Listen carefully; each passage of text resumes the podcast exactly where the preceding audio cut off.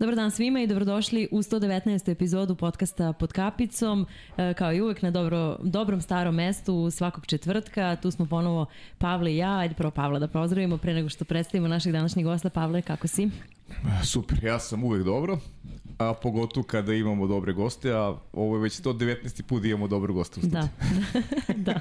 Nismo omašili ni jednom. Ne, Jel, samo da ne. napravimo mali intro, sad kad si već tako rekao.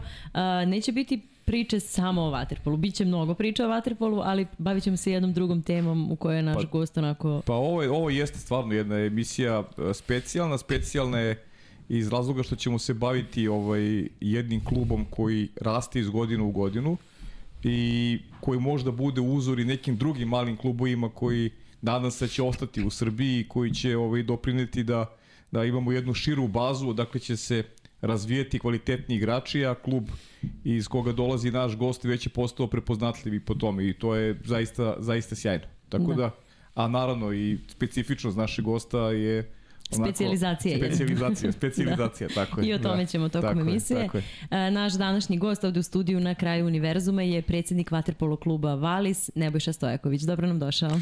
Bolje vas našao, hvala na pozivu, čast mi je. Kako ti je ovde kod nas u studiju? Zaista jako prijatno. Da, Da, Malo e, ja- uzbuđen, izvinjam se i verovatno će biti treme kad znam ko je sve sede na ovoj stolici, tako da unapred izvinjam. Razbićemo mi to uglavnom tokom razgovora to prođe i nestane samo od sebe. Ja moram da se pohvalim da sam dobila poklon. Ja obožavam cveće i ovo će biti sa mnom celu emisiju. Da, lepo je, lepo je, Da. lepo je. Ovaj, uh, do duše dobio i Pavla, ali nije za slikanje taj poklon. jel Nije, da, Da. nije. Moji, pok, moji pokloni nikad nisu za slikanje.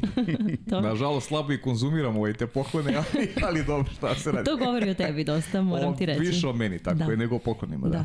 Pavle, kojom temom počinjemo? Ajde ti otvori.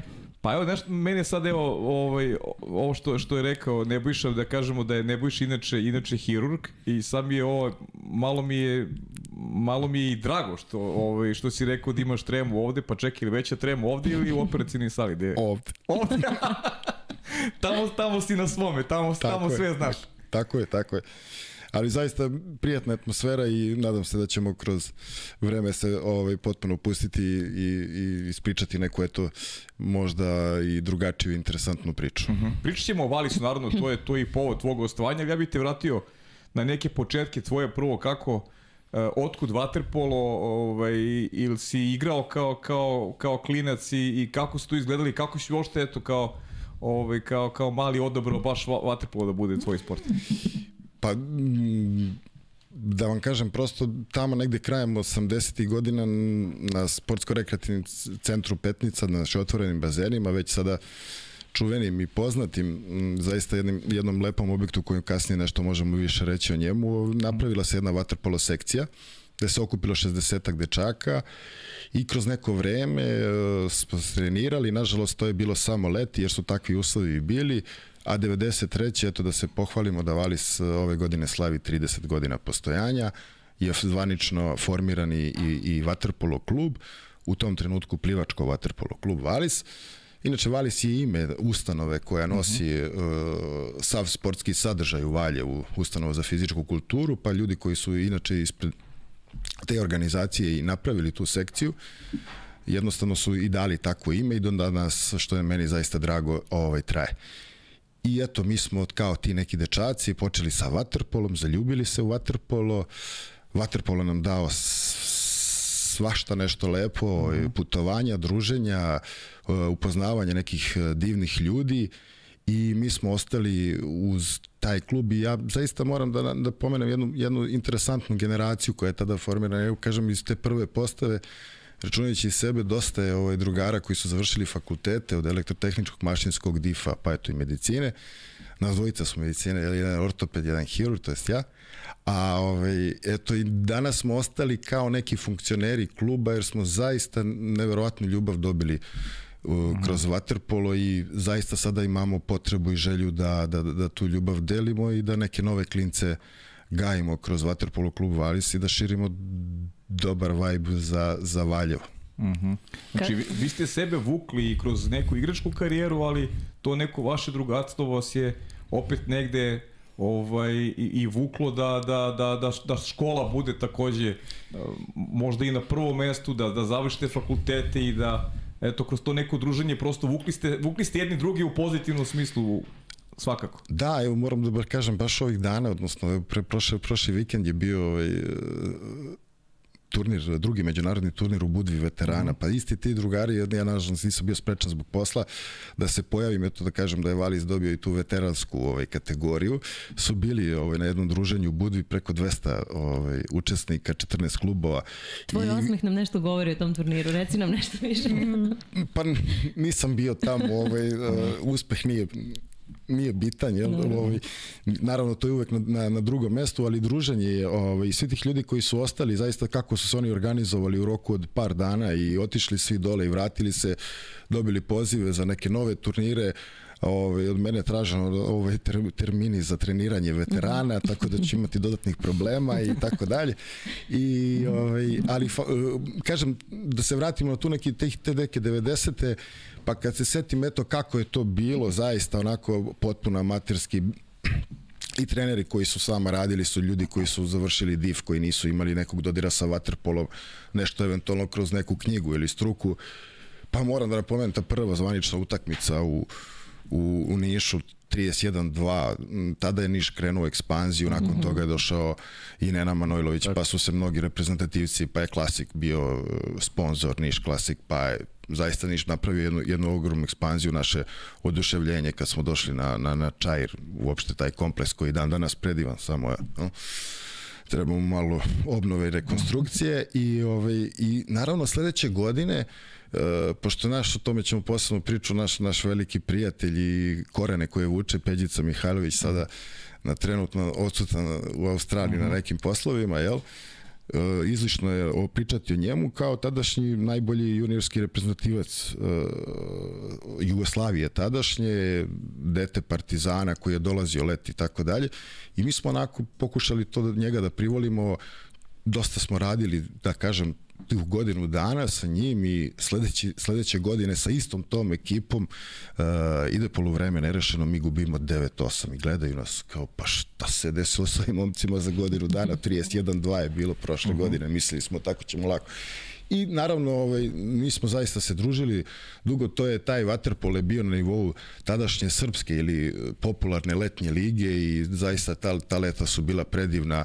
Mi smo provodili eh, družeći se svaki dan, dva puta dnevno, put, putovajući na, na utakmice, na turnire, na pripreme i zaista jedno, jedan prelep period. Znači, vali se ove godine 30 godina, da. tako? Postojanja. Tako je. Isto, kao ja.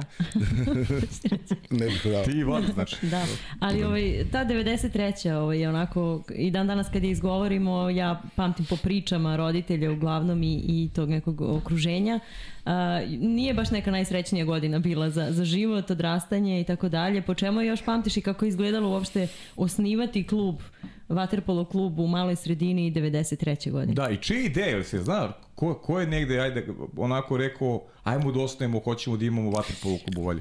Vrlo, vrlo interesantna priča. Ta, uh, poznati uh, srpski, jugoslovenski košarkaški sudija Toma Jovančić Bangija Aha, koji je bio mm -hmm, inače da, da. olimpijski sudija je stvari bio direktor te ustanove koje sam vam spomenuo i tadašnji uh, mladi difovci uh, Goran Bojičić i uh, Radenko Popović čuveni Šnele uh, su dobili zadatak da osnuju vaterpolo sekciju -hmm. jer eto taj bazen je uh, osnovan i trebalo je da se proširi sportske aktivnosti i to je tako krenulo. I sad, pravo da vam kažem, kao dečak nekih tu pojedinosti se generalno i ne sećam, ali je divno pitanje Aleksandrina zato što je to jedno, zaista jedno ružno period vremenski. Ja -hmm. često volim da kažem uh, da je vaterpolo taj koji je mene usmerio, da kad mogu slobodno da kažem, poprilično sam poračan tip i jednostavno, ali ta ljubav koja se stvorila i koja nam je vaterpolo dao taj red, rad i disciplina, zaista je nešto što je uh, kasnije kroz karijeru sve vreme pratilo i jednostavno svi prepreke koje su dolazile nekako su lakše išle. I znate šta, vi kad imate kao dečkić u pubertetu dva puta dnevno trening na jednom, gde smo mi tada da nije oda kao današnje vreme dovoženje, odvoženje, petnica je nekih 6 km kao jedno predgrađe mm. Valjeva, mi smo dolazili apsolutno biciklom, bez pratnje roditelja i sve ostalo. I kad vidite da da se telo formira, da ste sebi drugačiji, da se mm -hmm. diže nivo samopouzdanja, da vas devojčice gledaju drugačije, da, da postajete atraktivni. To je jednostavno nešto što vas vodi. Dobra ekipa i dobro druženje i vi nemate vremena tog let, to, to leto ni da izađete. Ni. Ja se sećam, na primjer, kroz svoju osnovnu i srednju školu, ja ne sećam se da sam sa drugarima ovaj, nekad izašao ili možda jednom, dva puta. To je zaista uh, nešto što, što, što ja zaista sada pokušavam da vratim vaterpolu ono što nam je da, što je meni lično dao i mojim eto tadašnjim ispisnicima i drugarima i zaista sam veoma zahvalan za to. Mm -hmm. Znači, na neki način je vaterpolo bio sve, i zabava, i sport, i druženje. Apsolutno, jer taj bazen prima proseku 4, 5, 6 hiljada ljudi tokom dana. Vi imate generalno ceo dan tu neku atrakciju, mm -hmm. svašta se dešava tu, naravno treninzi koji su pre kupača i posle kupača, sad da li ćete ići kući ili ćete potpuniti dan na neki drugi način, zaista bilo. Tako da kad dođete uveče mrtvi umorni, gledate kako samo da se uvučete u krevet i da se mhm. spremite za jutarnji trening. Ti si nama pre nego što ćemo ući u snimanje preporučuje da odemo u petnicu, pa evo da pozovemo i druge ljude ko bude imao priliku tokom leta, jel? Tako, apsolutno leta i zaista to, to stojim iza toga da je to najlepši otvoren kompleks u našoj zemlji, a i mhm. šir. Da. I blizu nam je i stvarno je sramota ako ne odemo. Ne, ne, sa zadovoljstvom. da. A kaži mi, kaži mi, e, da li, kako je, kako je klub napredovao negdje u tvojim očima i kroz neku tvoju prizmu i treniranja i ajde da kažem, nekih odnosa, e, koje su bila ta putovanja neka koje pamtiš, ko su bili ti rivali, e, kako se Vali se razvijao kroz, kroz e, neke rezultate u periodu kada si, kada si ti igrao? Mm, da vam kažem, tadašnja, tadašnja organizacija je bila malo potpuno drugačija. Mi, mm -hmm. iskreno da vam kažem, mi smo, na primjer, od Saveza dobili trenera, evo, i njega da spomenem, E, pokojni, nažalost, Nenad Golijanin, koji je dolazio kao sudija, ja se izvinjam, uh -huh. koji je nas učio pravilima, bukvalno pravilima i ovaj, uh, mi smo sa tadašnjim vračarom Pinkijem Zemun koji je najčešće igrali neke razne turnire i pokušavajući da uđemo uopšte u takmičarsku, jer zaista svi ostali klubovi su bili daleko ispred u svakom smislu uh -huh. i organizacionom i tehničko-taktičkom. Uh, leto, nažalost, je nije bilo dovoljno, onda se odlazilo u druge gradove, na, najpre bazen uh, u Vrujcima koji je hotelski bazen gde smo zimi provodili vreme, uh, zatim tadašnji uh, Zorkin uh, šab, š, u Šapcu Zorkin uh, bazen koji je sada gradski bazen i uh, gde smo još da u velike crljene. Šta, šta je problem? Problem je u tome što je to bilo zaista nedovoljan broj termina. To je bilo do tri puta nedeljno, ali i ti napori kod tih dečaka u to vreme koji su se vraćali jedan, dva noću, ovaj, jer mi smo tamo dobijali termine i drugi klubovi su trenirali, je opet negde ono što je nas nosilo i tako dalje. Tako da, da generalno naš nivo je tada jeste bio neka srpska liga i mi smo se kao mi, ovaj, tadašnja prva generacija takmičili. Naravno, dovođenjem uh, trenera koji su kasnije dolazili, pa sada to je jedan zaista dijapazon trenera, ali ja ne mogu da ne spomenem jednog od prvih kao što je Đorđe Makuljević Maki koji je mm -hmm. napravio jednu ovaj fantastičnu ovaj kasnije generaciju 95 96 koji su u svojim kategorijama juniora bili zaista u četiri ekipe pa uh, Mimi i, i plejada ovaj, ljudi koji su dolazili m, zaključujući danas sa, sa Sakovićem preko uh, Igora Milanovića koji je radio u Valje u tadašnjem mm -hmm. drugom klubu ili uh, Dekija koji Savić je dolazio da nam pomaže. Ja ću sad nekoga zaista sigurno zaboraviti uh, da ne govorim koliko su uh, Peđica, Žare Petrović, uh, Nikola Kuljača, Uh, svi su oni leti takođe dolazili kao igrači da, da pomognu da, da se jednostavno to masovi uh, uz treninge i njihovo igranje te letnje lige koja je bila zaista jedna zanimljiva neko kaže čak nekad i jača nego, nego Superliga, mm -hmm. svi igrači koji su bili slobodni su dolazili preko leta, nije bilo ovoliko reprezentativnih takmičenja tokom leta, tako da su bili većina njih slobodni. I jednostavno je raslo, trebalo je da se omasovi i zaista sve vreme, uh, sve, uh, sve to nekako je imalo svoj tok i ograničen, prosto je bio zbog, zbog uslova i, i termina, e onda 2014. kada smo napokon dobili taj balon, gde smo mm -hmm. mogli da koristimo bazen svaki dan, cele godine, ovaj, zaista kreće ekspanzija i evo na kraju da zaključimo ovu godinu kao juniorski šampioni države, što je zaista veliki uspeh za, za preoshodno za, za Valis. Mm -hmm. Što mi volim da kažem da smo posle 26 godina skinuli skal Partizanu jednom, jel, pošto uvek je to bilo rezervisano za velike kube i stvarno smo mi na taj ponos, jako ponosni na taj rezultat. Doći bi do toga, naravno, to je, to je super interesantna priča, ali ja bih te vratio da, da. Na, opet na, na, na, na tvoju priču. Uh, kad si, kada si odlučio da, da je, je to to i da, i da je medicina sada e, ovaj Jednostavno, da, da, da, da. E sad, ovaj, kako je to naravno vreme išlo, m, dolazi vreme kada se neke stvari jel, lome u životu, to su, to su ovaj, četvrta godina jel, srednje škole, kao, eto, da kažem, dobar uzoran mamin, tatin, sin i đak, ovaj, eto, odlučujem se za taj fakultet, ja sam nastavio tu trening, ali naravno to nije više moglo na, na takav način, medicina specifična sama po sebi, celodnevni, jednostavno sam negde ostao sa strane rekreativno da, da za sebe plivam i o, o, jednostavno kad sam završio studije, pošto sad taj deo nije bitan, ja sam se ponovo vratio u Waterpolu da onako treniram sa strane jer mi je ovaj, zaista uvek me ispunjavalo, pogotovo ta petnica. I eto, tadašnji, tadašnji ljudi koji su bili na čelu, kaže, pa dobro, kaže, doktore, moglo biti malo da se uključiš sad upravo ceo život si u, u klubu i to je bilo negde o, 2008. O, godine i ja sam pristao na to, o, pored nekih obaveza, misleći da m, će to biti nešto prolazno, kratko, jednostavno, da jednostavno neće imati vremena i evo do dan današnjeg dana tu sam I eto. Prolazno, kratko. Da, da. Čekaj, kako je, kako je došlo do, do, da medicina bude, da bude izbor? To me baš zanima, ili, ili si ti to, to želeo i kad si bio klinac, ili se to prosto negde ovo javilo kroz, kroz neki, neki period odrastanja i ne znam, neki konkretnih primjera ili šta god? Ja iskreno da vam kažem da odgovorim na to pitanje, ne znam. Ili tako? A, pošteno, da. Ali, e, evo sad ovako, bila jeste, ja bio moment gde onako malo se moja ta karijera, ja sam jednom trenutku mislio da ću, da ću preći u, u, u Beograd, tada, što, tada sam imao ponudu Pinkija, tadašnjeg Zemuna, da pređem. To je bilo treća, četvrta godina, ali sam imao neki težak oblik mononukleoze i to me zaista vratilo onako nazad, nisam išao ni u školu šest meseci.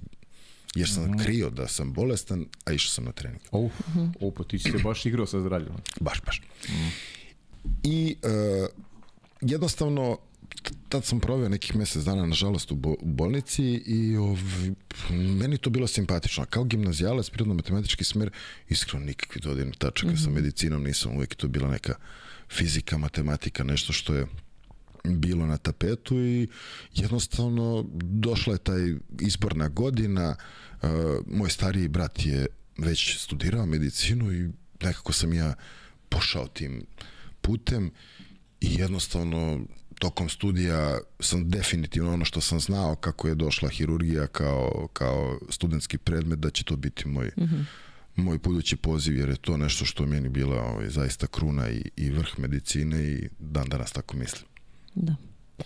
E, kako izgleda e, ajde, samo studiranje e, kao takvo nije, nije nama nešto posebno zanimljivo, kako izgleda to uklapati sa sportom?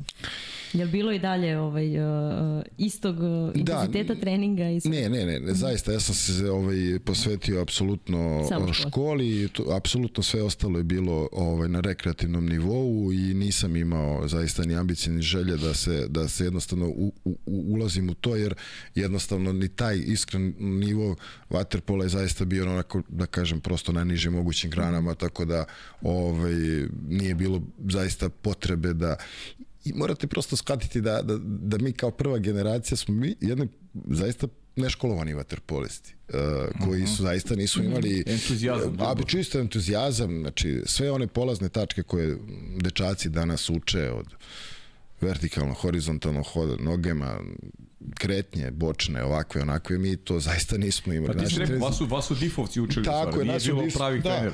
Nas su difovci učili, to je bilo zasnovano uglavnom na plivanju ekstremnom i šutni loptu. Mm -hmm. znači, ajde da kažem, naravno, ka, kasnije se to malo nešto gradilo, ali ovaj, zaista negde tu nekog elementa za, za, za, za waterpolo ozbiljniji nije bio i jednostavno ja sam se opredelio za, eto, samo da, da kažem školu i hvala Bogu, eto, to bar taj deo je bio uspešan. Mm -hmm. Jesi li da. danas povremeno u bazenu ili ti nedostaje? Ili nisi? E, jesam, u bazenu sam uvijek. Da, dobro. Volim. Dobro, Voliš, dobro. Mhm. E, dobro, e sad idemo, onda ajde taj deo koji smo... Ma dajde pre nego što krenemo... Da presečemo da, jedno da, pitanje, Da, presečemo s jednim pitanjem. Miksa, može jedno pitanje?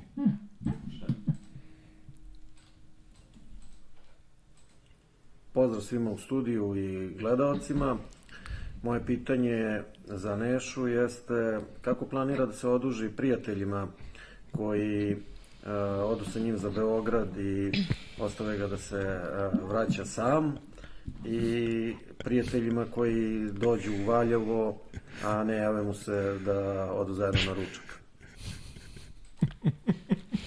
Hvala Milošu Sakoviću. Inače je učestvovao aktivno vrlo u pripremi emisije. Hvala mu na tome. Inače, trener Valisa. I otvorio nam Pandorinu kutiju. Šta je bilo? Da, sad, Ajde, sad, čujemo. su, sad su ovaj... Uh, uh, šta bi sad mogao da odgovorim na pitanje, samo da kažem kratko, Saković. Saković.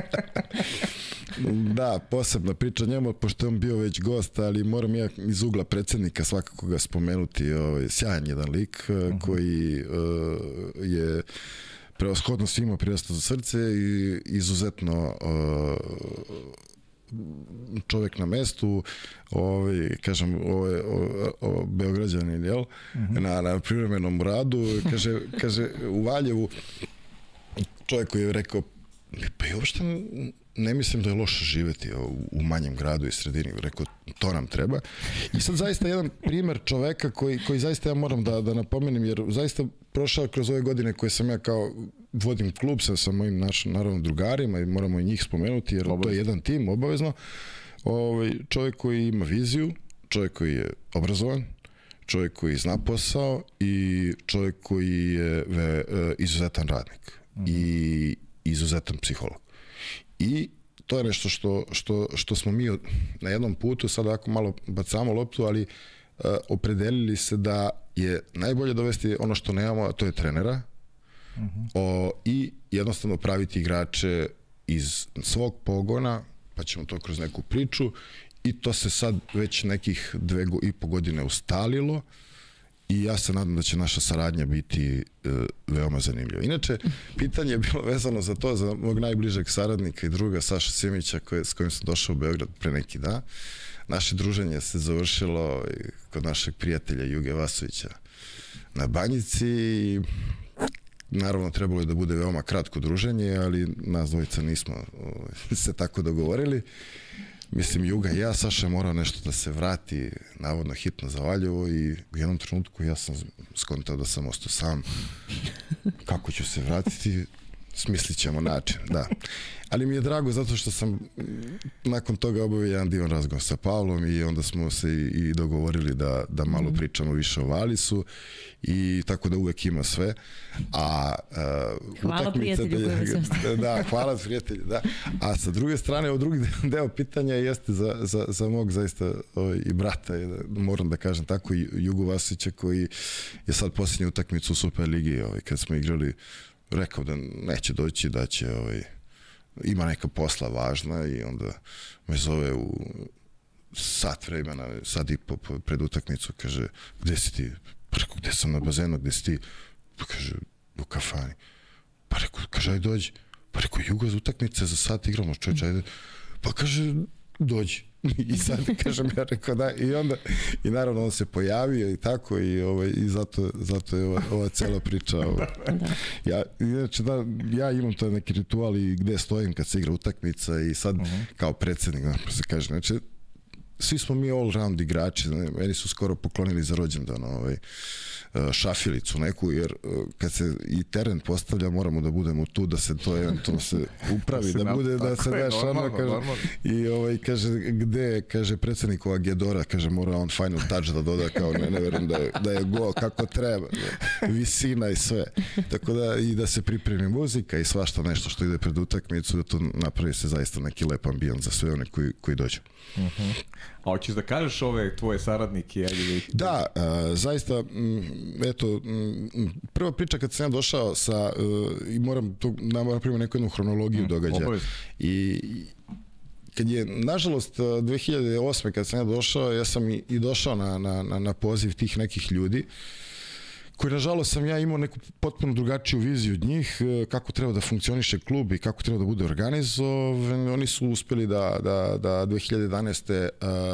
Uh, osnuju novi klub i da veliki broj igrača, odnosno kompletan sastav igrača, mi smo ostali sa desetoro, deset, desetak dečaka, ovaj, prevedu taj klub, Vatrpolo klub Valjevo, jeste, koji ima svoju eto, neku desetogodišnju rolu. Uh, tu je bilo kao i svuda normalno u Srbiji deljenja i svega ostalog problema i ja sam se zaista tu onako bio nisam znao šta ću. Tadašnji moj da kažem prvi saradnik Predrag Đuđević Džoma čiji su klinci takođe ovaj, bili uspešni vaterpolisti jedan je sada u Australiji drugi je sada Aleksa trener kod nas u Valicu ovaj, smo se nekako skupili krenuli nismo se predavali Nakon, posle toga se pridružio o, još jedan moj drugar, Sale Simić, koji je sad zaista onako, da kažem, desna ruka i tu su još neki momci poput Ace Roševića, Dejana Dobrisaljevića i još jednog velikog mog prijatelja, jednog živopisnog lika koja treba svakako upoznati, to je, to je, to je legenda bazena, Aca Mladenović koji je predsednik Skupštine. Nas dvojica smo zajedno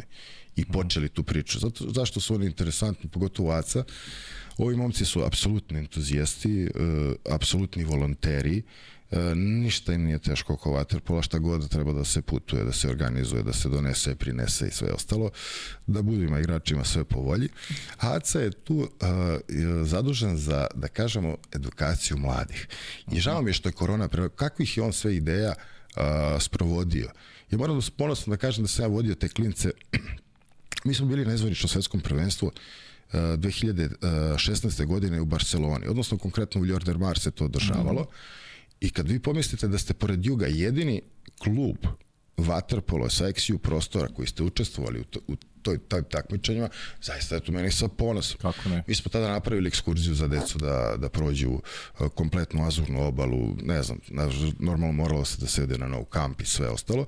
I Jaca je neko ko uvek ima akcije za, za, za mlađe kategorije da pravi priču prekinuo sam se, e, korona je, e, mi smo zaista neverovatno broj e, razmena imali.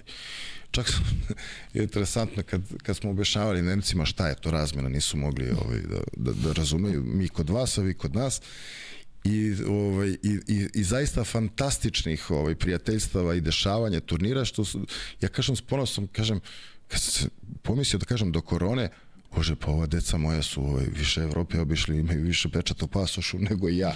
Jesmo zaista kompletnu ovaj, e, Evropu obišli i, i završili na kraju i naš tadašnji Peđica koji je bio dugo mhm. godina u Galatasaraju, u Istanbulu smo bili zaista više puta i tako dalje, pa poziv za Sidney, pa sve to malo i financije koje su znači mi smo zaista imali sve, sve uslove da budemo tamo po, po mesec dana, pa moramo i Pacers i Sidney, ovaj, Singapura spomenuti i tako mhm. dalje.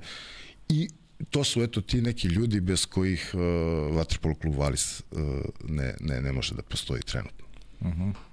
A kako... I nema pojedinca, to je najbitnije. Aha, znači to je jedna grupa ljudi i uglavnom su to ti neki ljudi iz te tvoje osnovne, ajde da kažem, generacije koje počela da, uglavnom... da igra vaterpolo i koja se aktivirala po završetku fakulteta kada ste već postali onako i poslovni, ozbiljni ljudi, onda ste odlučili da pomognete klubu gde ste, gde, gde, sve, gde ste počeli praktično da, da se bavite tim sportom. Pa, drago mi je, jedna stvar, ti isti ljudi, naravno dobro, neko igra vaterpolo manje više, ovaj, nekom je dete bilo tu, pa mhm. jednostavno ima možda malo više vremena, ali kad ti prepoznaš zaista energiju i dobre ideje i sve ostalo, ali kad smo tad uh, započeli tu priču, eto tih uh, 2015. godina, znali smo da jedini način uspeha ovakvih nekih malih klubova jeste da je cilj uprave samo davanje. Uh mhm. -huh. Znači, ljubav, entuzijazam, davanje.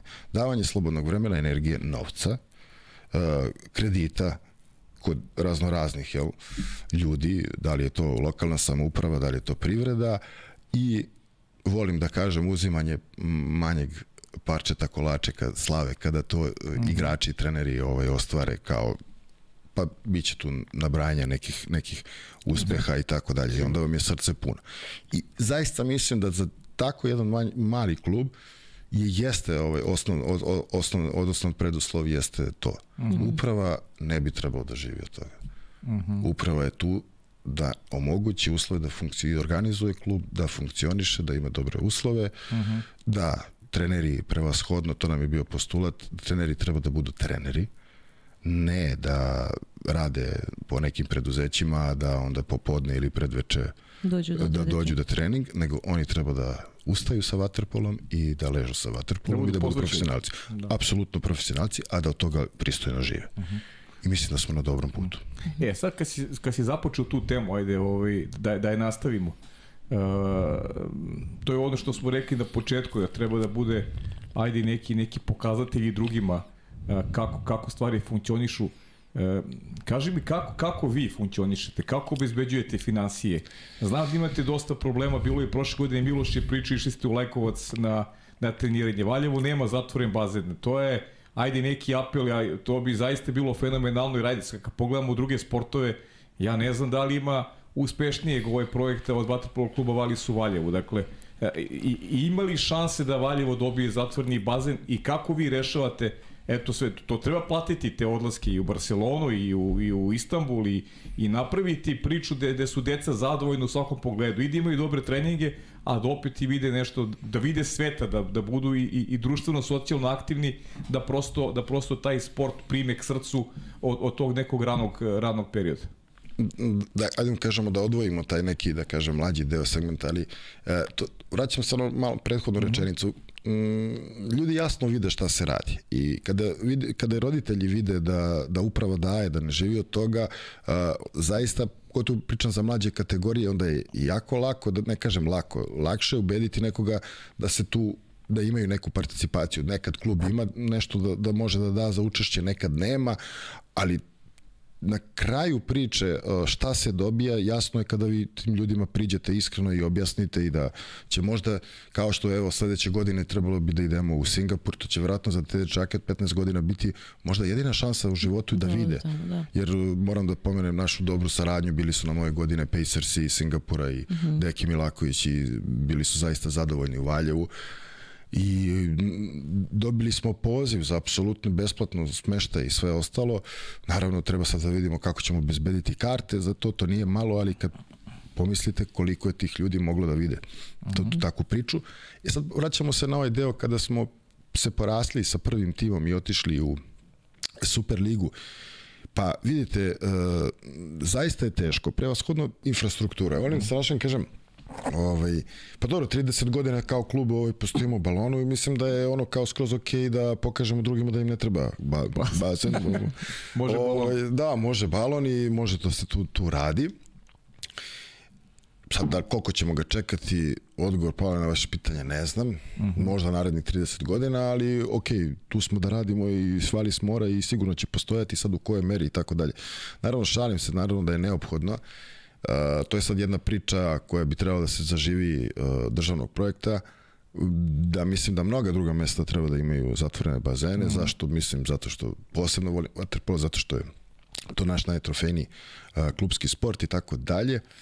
Mislim da nismo na dobrom pravcu što se tiče nekih stvari i Valjevo podhitno da dobije pravi zatvoreni bazen. Da. To je čak i, de, i to je Dejan Savić imao neke razgovore, ako se ja sećam, a, a sećam se dobro, uh, u Valjevu i sa gradonačelnikom i da se pričalo na tu temu da i on takođe uh, podržao tu akciju. Bilo je i, i u ranije bilo periodu priču o izgradnju jednog sportskog kompleksa u, u Valjevu, međutim, nažalost, to se, to se nikada, nije, nikada nije dogodilo. Da li smatraš da ti rezultati i činjenica, a pričat ćeš nam i o tome, koliko valjevske dece uh, danas igra igra u Valjevu i koliko se baje vaterpolom, koliko to može da da pomogne da se da se eventualno ta ta priča ubrza. Pitanje uh, vezano za, za, za naravno uspehe i tu volim da se našalim, ovaj, generalno kako se vlasti generalno menje i, i, i, i uprave u, u gradu, moram reći zaista ovaj, nisu baš dobro pratili gradi ovih godina, ali mm. mislim da da ovi, da ćemo da za, za, u poslednje vreme zaista se nešto dešava. Ja sam pokušao sam pre, preoshodno moram da kažem mi u stvari ispred kluba da, da podignemo sve s toga i zaista bez premca Vaterpolo klub Valis je pa sa sportskog aspekta moram da kažem nažalost apsolutni brend, broj, broj jedan brend uh -huh. sportskih grada. Je apsolutno igramo sve najvažnije takmičenja jednog klubskog. Stvari imamo kao klub sve moguće mlađe kategorije u tome ima i rezultata. Juniorski ste prvaci države Da, Imate, če- aktuelni. imate četiri juniorske reprezentacija Srbije. Tako je. Koliko dece, Pa ovo što je Pavle pitao, ima u mlađim kategorijama? Koja je baza? Trenutno je negde oko 350 oro dece. Verujte, to leti bude malo i više. Da. Sigurno malo i tako dalje. E, zašto je to jako važno, ali ja opet moram da kažem, taj deo vodenog sporta, evo, mi smo sada skoro imali dodelu e, nagrada za, za ispred grada Valjeva Sportskog saveza našeg lokalnog.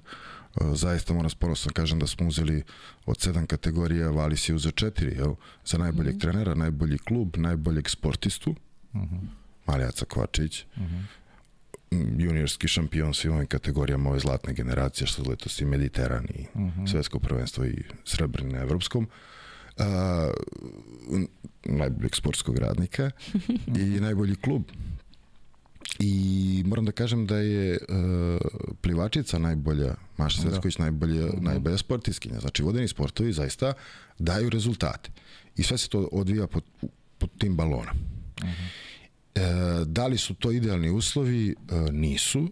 S jedne strane moramo biti pošteni, zaista imamo e, dovoljan broj termina za trening i ja sam želeo da, pošto Valjevo samo kao, eto malo da upoznam e, naše slušalce, ima svojih nekih lokalnih problema, trebalo bi bolnica da se prevashodno re, ovaj, rekonstruiše, pa trebalo bi da se sazida jedna pristojna hala e, koja 50 godina već stoji kao neko među rešenje i verovatno nakon toga će doći i Bazen. bazen, Bazen. mesto za bazen. E sad, u tom čekanju mi nemamo vremena i zaista kad sam se malo pre našalio rekao nije bilo ovaj dobrog slušanja ovaj, s- zaista u ovom trenutku se nekako otvorile stvari, ljudi su prepoznali i, i prevashodno sa gradonačelnikom našim i, i ljudima koji su vezani za sport, ovaj, mislim da ćemo sledeće godine ući u nekom novom ruhu u Petnici, e, ništa veliko, ali da se poprave uslovi sa tim nekim toplotnim pumpama, teretanom i mislim da će zaista biti jedna potpuno nova atmosfera dok se ne sačeka taj pravi zatvoren bazen. I da se verovatno sada nadogradim na, ono- na, kaj finansiranje. Finansiranje je vezano, zaista je ogroman problem. Znači, vi se znate dobro da, da, da država zaista u, u- ulaže u vaterpolu, ne samo u vaterpolu, ajde, pričamo o vaterpolu, naravno, poslednje tri godine zaista ovaj, dobar novac, ne mogu da kažem nešto drugo, ali zaista ovaj, nama je svakako od značaja. Valis uh, prepoznaje tu pomoć i izuzetno je zahvalan. Uh, lokalna samouprava ima svojih nekih limita, vi sad kad uđete u te strukture, onda čujete da je, na primjer, sportski budžet može biti maksimalno 3% od budžeta i sve ostalo, ali naravno za, za uspešne se uvek može naći i tako dalje. E sad tu gde kaskamo, to je ta privreda.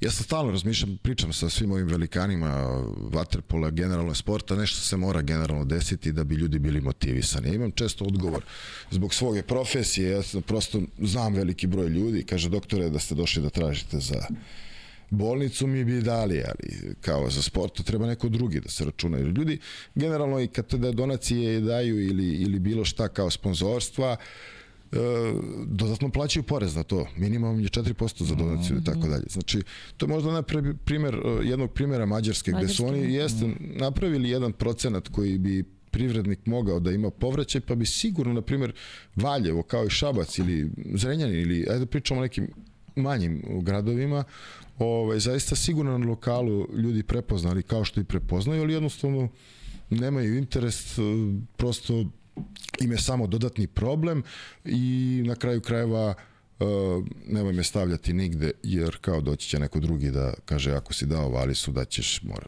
moraš i meni. To je veliki problem.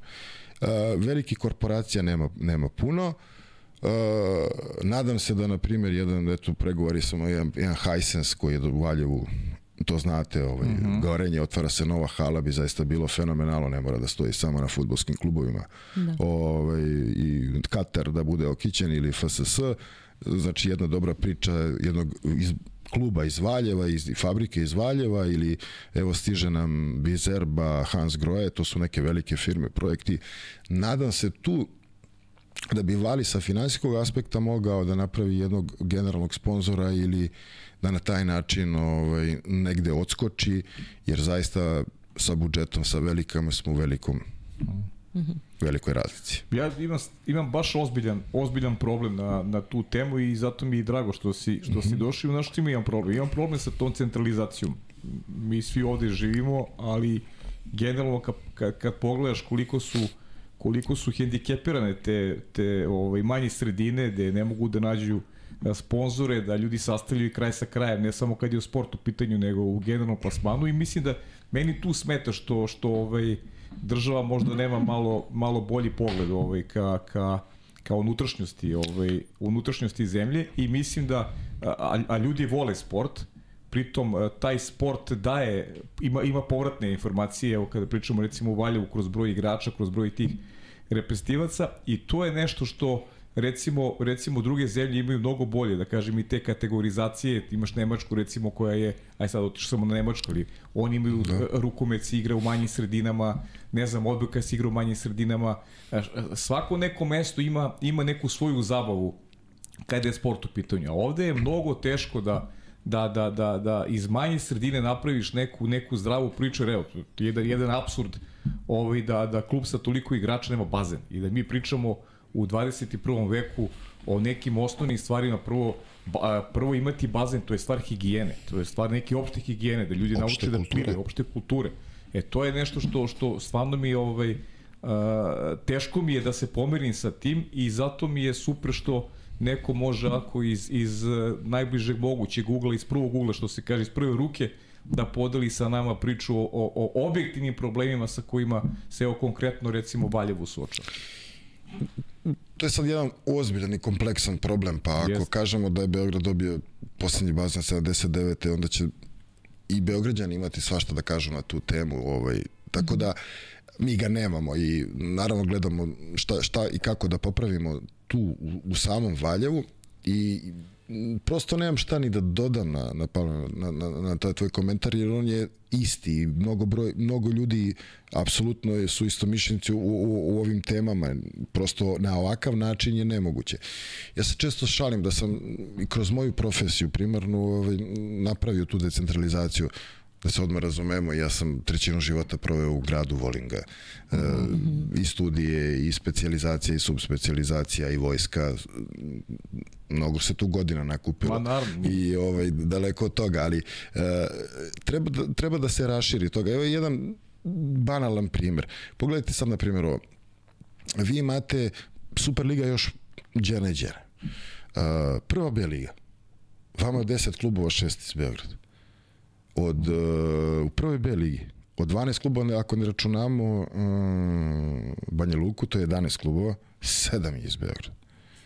Mi pod hitno moramo tu apsolutnu decentralizaciju da napravimo i da proširimo to na neke gradove. Evo ja, na primjer, znam uh, Čačak, Kužice, Pirot, Leskovac, svi imaju zatvoren bazen, nemaju vaterpolo kluba. Tako, tako da ima različitih e, dešavanja koje treba neko da, da, da sublimira kako bi eto, možda će baš u tom nekom pirotu se roditi neki novi Mandić, Filipović Tako ili to, to zaista ne znamo, da ne govorim za Užice koje samo po sebi genetski uvek ima uh, fantastične uslove za, za sportiste, jer su oni ovaj, zaista, zaista sportski tipovi, po talentovani i što bi rekli goštaci pravi, visoki, sve ono što treba za sportistu, mm -hmm.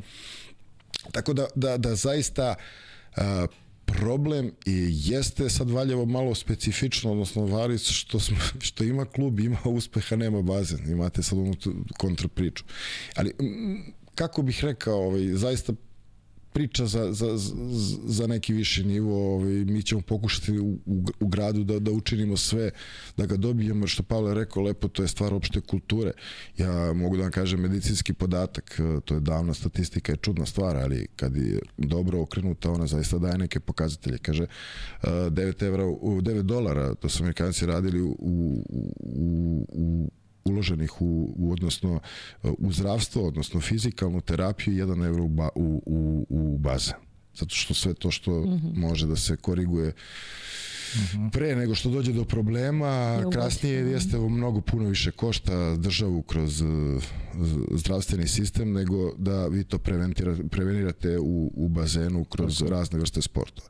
I mi smo zaista ove godine povukli jednu priču grad Valjevo, uh, Valjevo grad bez neplivača, tu smo da, skopirali od naših drugara i Šapca, mnogo dobra priča da svi osnovci treba da prođu, da imate fakultativne časove, naravno ko bude želeo da se zadrži na, na Waterpolu svakako je dobrodošao, ali mislim da je to upravo što je Pavle rekao jako prestvara opšte kulture. A koje, jel postoje možda još neke ideje, ajde da ne pričamo samo o problemima, nego da probamo da vidimo koje su rešenja.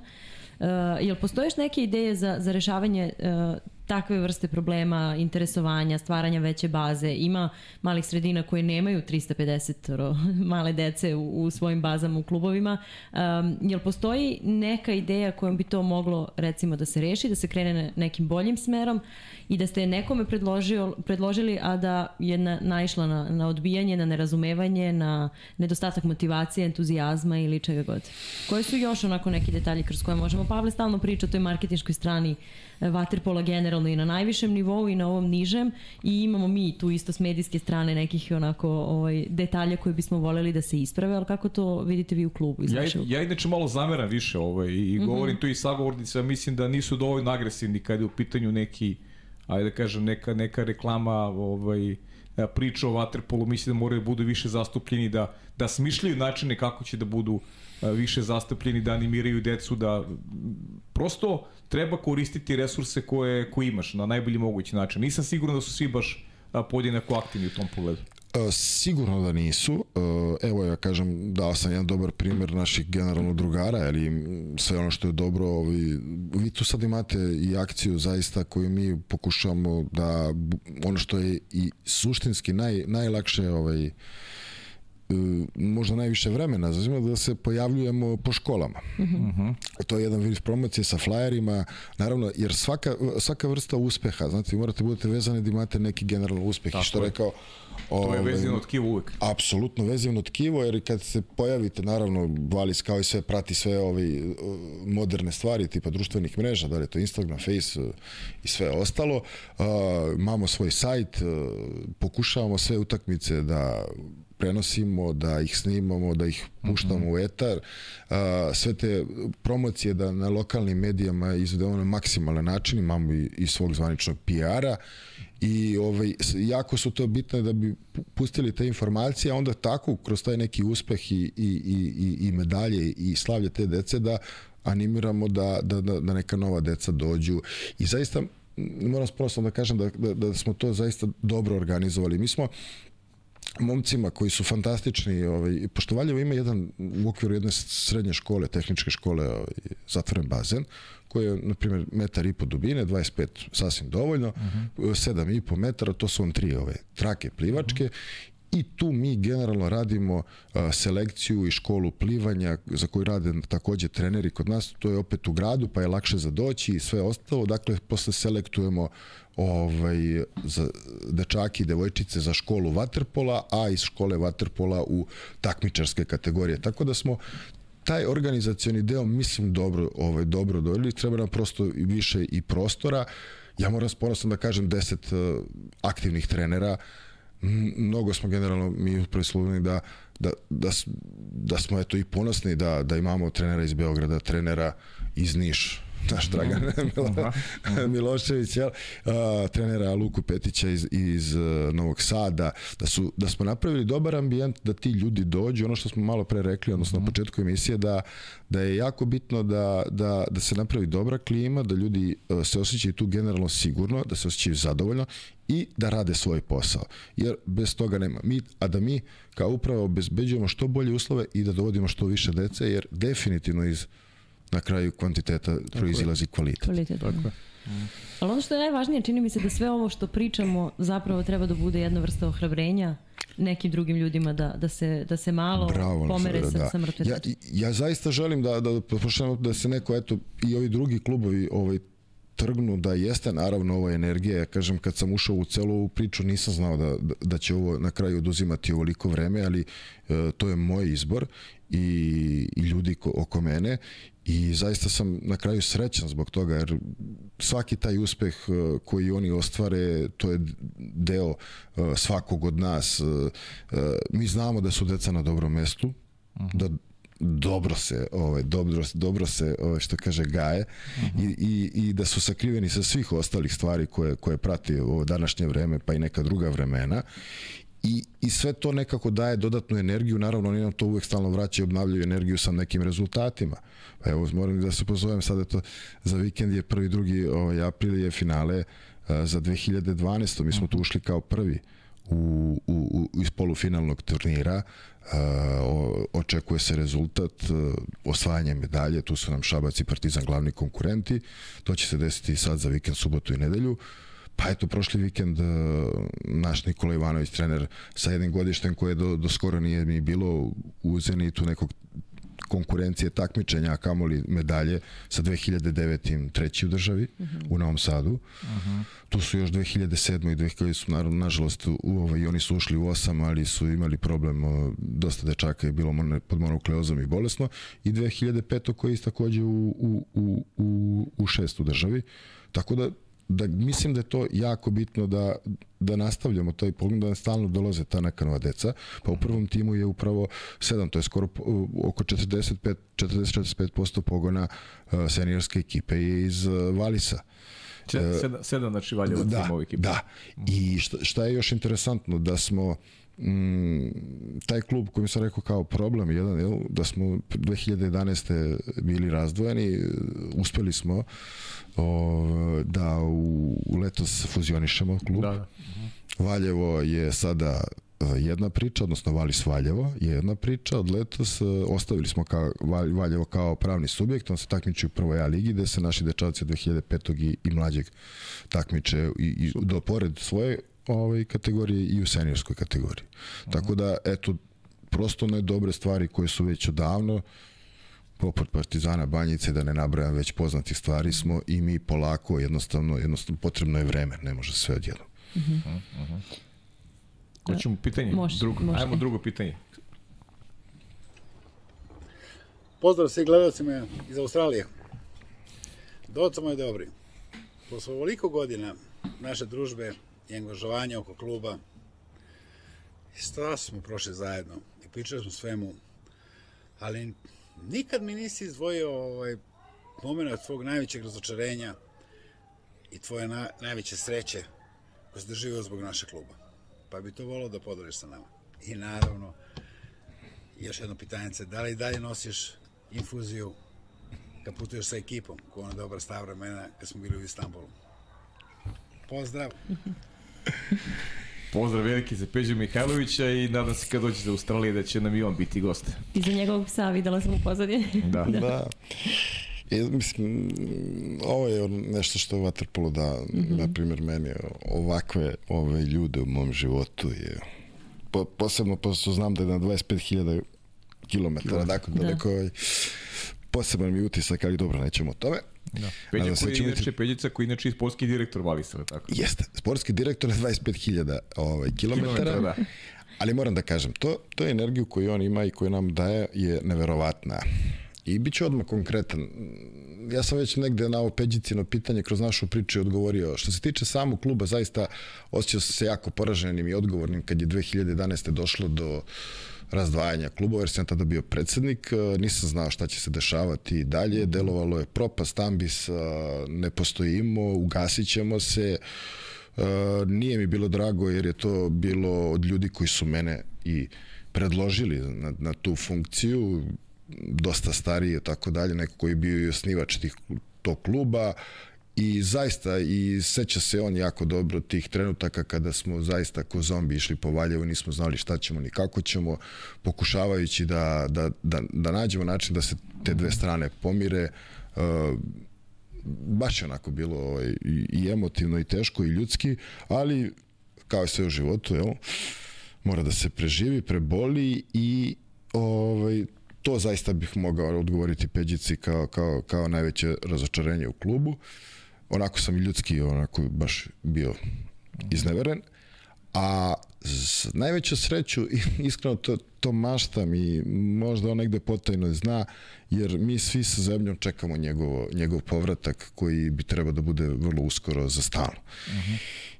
e, Peđica kad god dođe tu i kad god ima vremena i kad smo na daleko, jel, preko ovih društvenih mreža i, i, i, i komunikacija video o, smo tu da podelimo, da se iskonsultujemo i sve ostalo ali Vaterpolo klub Valis je zreo za jednog takvog čoveka kao što je Peđa Mihajlović. Znači neko ko je dotakao Vaterpolo u najvišim mogućim sferama, uh -huh. uh, neko ko, ko voli Valis identično kao što sam sada kroz ovu, ovu priču pokušao da, da, da, da i kroz emociju da očaram koliko smo mi privrženi tom klubu. Mm -hmm. Da, i Peđice ga zove na, naši kluba. Tako je, da. tako je. I, uh, ja sam da živim za taj dan i bit ću zaista najsrećniji kad, kad on to preuzme. Ja ću svakako biti tu da pomognem svim svojim ovim organizacionim ili bilo kojim drugim uh, uh, o, što kaže ovaj aktivnostima. Da zašrifiš tamo Jeste, da treba i, i da nosim infuziju uvek nije problem. Ovaj, uh, da, da, to je posebna jedna anegdota.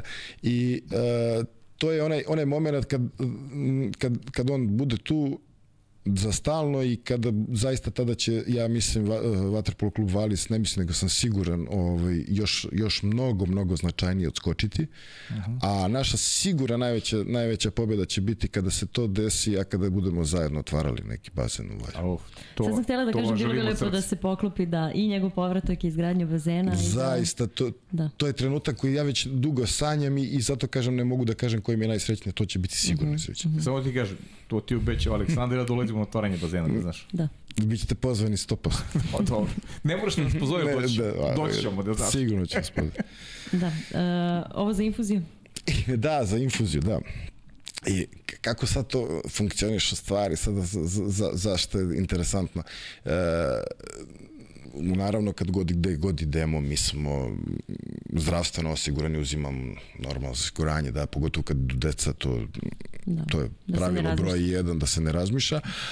Ali znate kao kao mame ovaj stare bake sine ipak ti ponesi ovaj malo leba i ovaj sendvič neki dodatno iako imaš obezbeđeno ručak i tako dalje. Tako da ja kao taj neki doktor ovaj ipak imam svoju torbicu I onda se dešavalo po Istanbulu jer su upravo zbog te razmene bili mm -hmm. ovaj, deca u jednoj i drugoj koji sad oni ljudi zbog jezika i jezičnih barijera nije to bilo sad idemo odmah u bolnicu ako smo zaista imali sve nego eto ga peđica noću u 3-4 ujutru po mene da tu otvara kaže ajmo molim te ja svoju torbicu pa je bila jedna noć je bila dramatična da koja se završila čak na kraju infuzijom u avionu gde su nas gledali kao šta se dešava ali to I prosto uvek, a i kad se igrači malo ovaj, opuste, kad imaju tu privilegiju da mogu da ono se obrate u bilo kom trenutku uh -huh. da im treba neka vrsta pomoći znaš.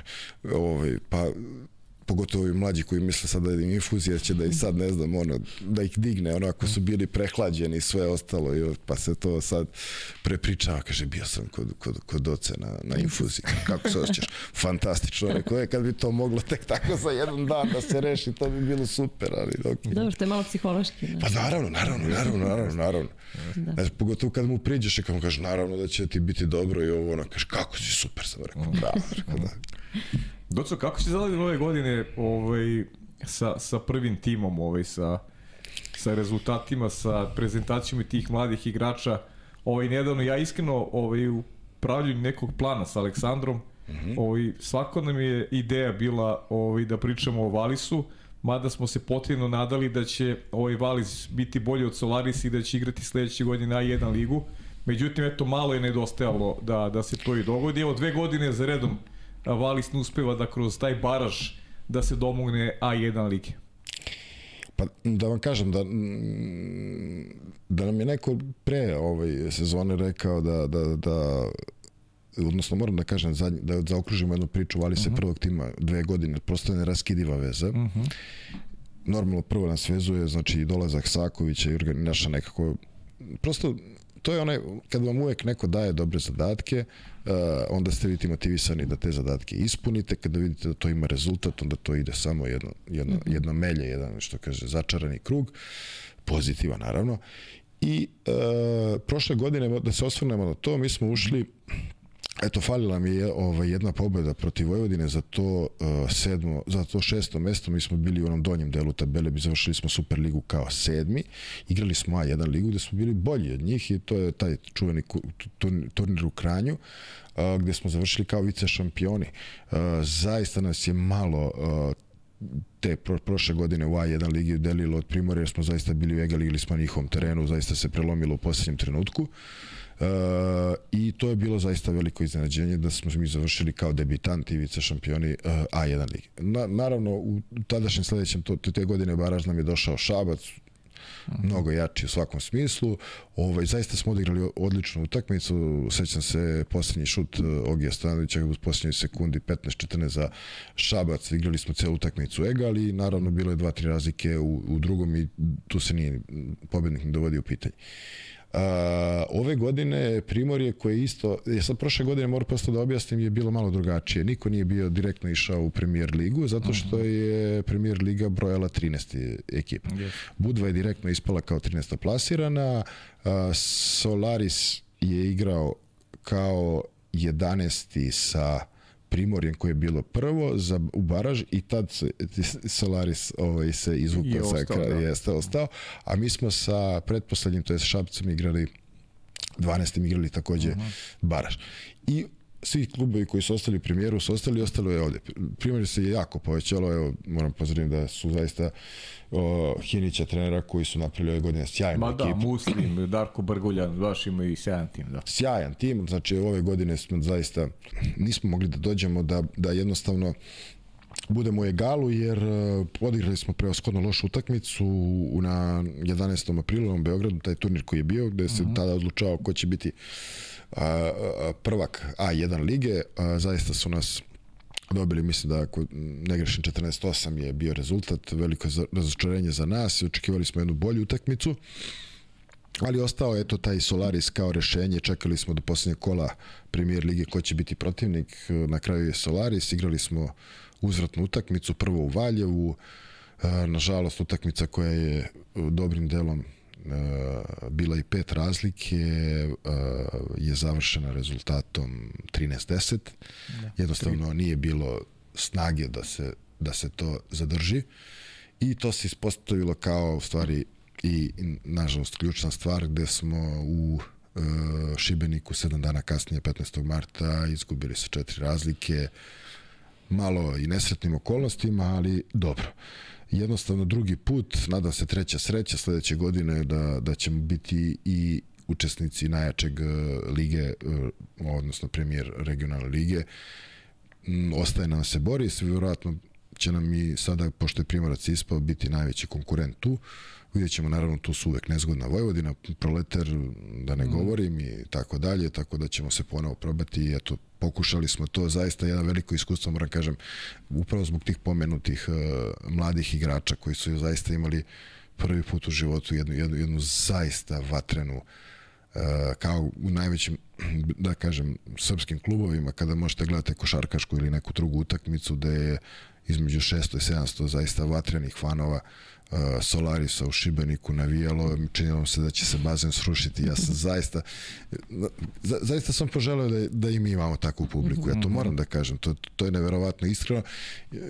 Počeli smo malo preskakući temu nešto što smo pričali dok nismo ovaj, dok smo se zagrevali, jel, rečeno uh -huh. sportskim žargonom, eto, ta jedna, to je jedno, jedno sećanje za jedan, moram da spomenem, Waterpolo klub koji slavio ove godine 70 godina, to je jezero iz crkve koji je bio tada, na tadašnjim dečačkim danima i nama glavni konkurenti koji su dan danas ostali po 70 godina pod nekim pontonima, tamo bilo crkvanskih jezera, ali s njima smo igrali najveća finala ovaj, Srpske lige i sve ostalo. I to je uh, jedno hiljadu na otvorenim bazenima, hiljadu, hiljadu i po ljudi koji dođu vatreni obožavaci ovaj, tog, tog, tog, tog, tog kluba koji su dolazili sa sve ovaj sirenama za uzbunjivanje na, na, na kurbu, što bi rekli, pa to su to, to zaista uh, utakmice za pamćenje ovaj, u svakom smislu reči. Je, tako smo i, i stvarno u Šibeniku i verovatno i malo i po tom atmosferom se ukočila ruka, negde smo to generalno i znali i, i naše iskusnije su kolege rekli da i tamo mnogo, mnogo bolji klubovi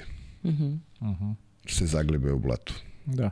E, znaš šta mi je sad, sad opet ja malo kačem s teme na temu, uh -huh. ovi, koliki je ovaj benefit svega onoga što se što se dešava generalno a, a treba da se treba to da se prepozna i, i prosto apelujemo iz svojih pozicija da mora da se prepozna jer evo imamo situaciju da ova generacija koja je sada slišla sa najveće scene, a ja je smatram naj, najboljom u istoriji srpskog sporta, ne samo u istoriji vaterpola, to su uglavnom momci koji su ponikli u Beogradu, u Novom Sadu. Imamo Savo Ranđelovića koji je iz Niša, imamo momke koji su e, poput Andrija Polinovića, Dušana Madića, e, koji su iz Crne Gore. Ali mi sad imamo nešto što, što je možda predstavlja zaista renesansu ovog sporta. Mi imamo e, Šabac koji prošle godine osvaja u dve kategorije turnir Tomu Udovičić, najveći turnir možda i Evropi, ne samo ne da. samo na ne samo na Balkanu. Sa dve generacije imamo Valijski juniorski šampion države, imamo Radnički iz Kragujevaca koji takođe sa mlađim kategorijama radi sjajno, ima mnogo Kragujevčana koji su juniorske reprezentacije, dakle imamo tri centra uh, gde dolaze reprezentacije Srbije. I to je nešto što što je uh, gde treba ovaj se i zahvaliti ovaj tim gradovima i vama koji vojite te klubove jer se proširila baza ovaj, gde se igra kvalitetan vaterpolo i to je nešto što verujem opet treba da inspiriše neke druge centre da im bude pokazati da to može. Čak i u uslovima koji nisu idealni, koji nisu savršeni, ali pokazatelj je da, da, je, to, da je to izvodljivo. Pa, ja sam takođe opet saglasan sa svakom reču. Sad uvijek imate znate, ovaj, oponente kao da li je Waterpolo u, u Srbiji i Beogradu pao ili se izgradio u, u manjim centrima i sad na to je, uvek ćete imati nešto za ili protiv, ali ja generalno mislim da jeste poruka sa ovog mesta ovaj, samo pozitivno i svakako, pa evo zaista i, i, i Valjevo, odnosno Valis kao klub je dala tog Aleksandra Kovačevića koji je, je sa, da. zajedno i sa tim Malim Kojićem i Bogdanom Gavrilovićem bio i MVP prvenstva i a, koji je nada i, i, i selekcije u, u Šapcu je mali Stanić koji je nažalost isto, iz iste te generacije jednostavno je ovaj, dete otišlo ovaj sada trenira tamo sa prvim timom to je još da ne nabrajam, Bucelo koji je došao iz Beograda iz jednog taša gde nije se još bio snašao, sada je apsolutno nezamenjiv u prvoj postavi, takođe Zlatan. I sve to kad, kad nabrajate ovaj, zaista mislim da, da je jedan postrek za sve manje sredine i manje klubove da mogu doći i oni u tu situaciju, ali za to je potrebno vreme. I verujte da mi je jako drago da, da, da, da sad mogu s ponosom da kažem kad smo seli da da, da te 2011 preorientišemo tu priču, mi smo se zaista zasnivali na toj priči da ćemo raditi samo sa, sa, sa mlađim kategorijama, da ćemo dovesti da dovoditi najbolje trenere koje smo mogli u tom trenutku da mi uh mhm. -huh. kao klub platimo i trebalo je, boga mi, 10 godina da bi se taj uspeh ovaj, negde vidio. Uh -huh. Da, ali ako je pitanje ovog takmičenja gde se brže razvija, a gde je manje sada Beograd uh -huh. i manje centri, onda ja mislim da to, da, mislim, treba prihvatiti tu trku, jel? to je potpuno okej, okay, to je zdrava konkurencija, jel? To znači da se negde drugde nešto dobro radi, a ne... Ups, da, da. U, upravo to, nego kažem generalno naš vaterpol, a kad uh -huh. ga mhm. spominjemo, mislim, s troje smo saglasni da to mora biti i dalje uh, sport broj jedan ove nacije. Naravno. Pa prosto forsaš ono što ti daje najbolji rezultat. To, to, to je to. U celoj toj priči, moram da vam kažem jednu priču, interesantno, da sam mi neće neko od mojih postaviti to pitanje. Mali moj je ovaj šest godina i nešto se sad zainteresovao za futbol, dobro, ajde, to ćemo promeniti, nije problem. Pa Boga mi je bilo tih I, pitanja, moram ti reći. Jeste, jel? da, da. Pa pretpostavio sam, zato što nije mi lako, ver. Uh mhm. -huh. I koliko god ja ovako i na posao idem, moram da vam kažem, u, u ovom dresu i onda kaže kako mi promovišemo. Znači, mi smo šet platajuće reklame, to je, to je mhm. najako bitno. I ovaj, ja kad se pojavim u, u futbolskom klubu, kad dovedem ga sa ovim, kažem, šta je s tobom? Ja, kao, I ovaj, šalu na stranu, ja sam skon, pokušavajući da, da ga vodim na te turnire, da vidi malo, to, to je tek počeo, ovaj, video u stvari jednu, jednu ključnu, ključnu stvar u, u Vatrpolu. Radi se drugačije, radi se bolje, radi se kvalitetnije. Mm -hmm.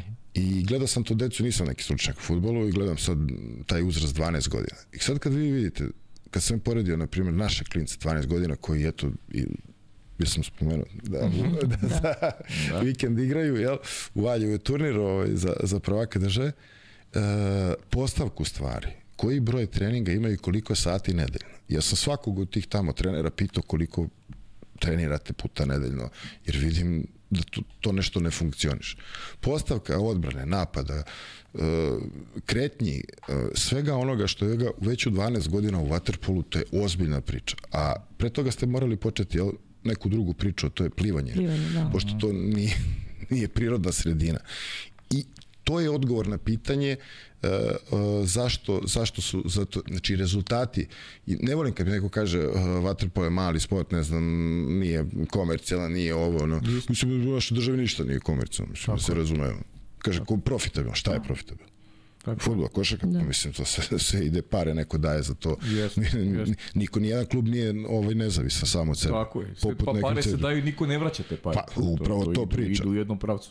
Da ne kažem da od jednog igrača možda živi ceo vaterpolo svet u Srbiji, da se razvija, to, to, to posebno ne pričamo. Mm.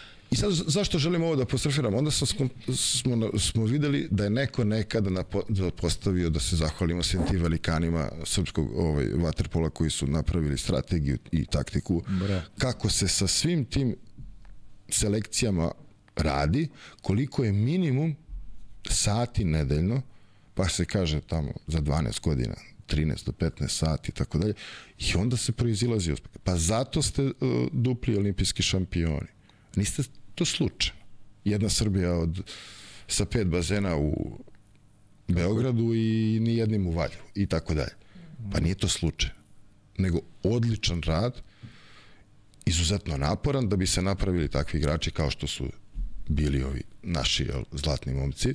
Nadam se da će, da će ovi novi nastaviti tim istim putem, ali uh, Za to nam je potrebno mnogo, mnogo još rada, ali tako slažemo se s tim. Tako da, to, da, to tako, sporno, hoću da ne? kažem da, da, da, da je to stvari ključ uspeh. Onda sam vidio gledajući te druge sportove da svakako vaterpolo odvaja. I zato da, jeste da. tu da jeste. Mm. To nije slučajno kao, znaš, pa kažemo uvijek budi, budi prvi ispred zgrade u basketu, pa ni to nije lako.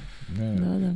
A zamisli da ima neka povratna, da ima, da ima ulaganje da se, da se kao Mađarska napravi sistem gde, gde, gde je waterpolo, znaš, prite, jer meni je potpuno logično da nešto ti donosi rezultat, tamo gde si najbolji, pa tu, to treba da ulažeš.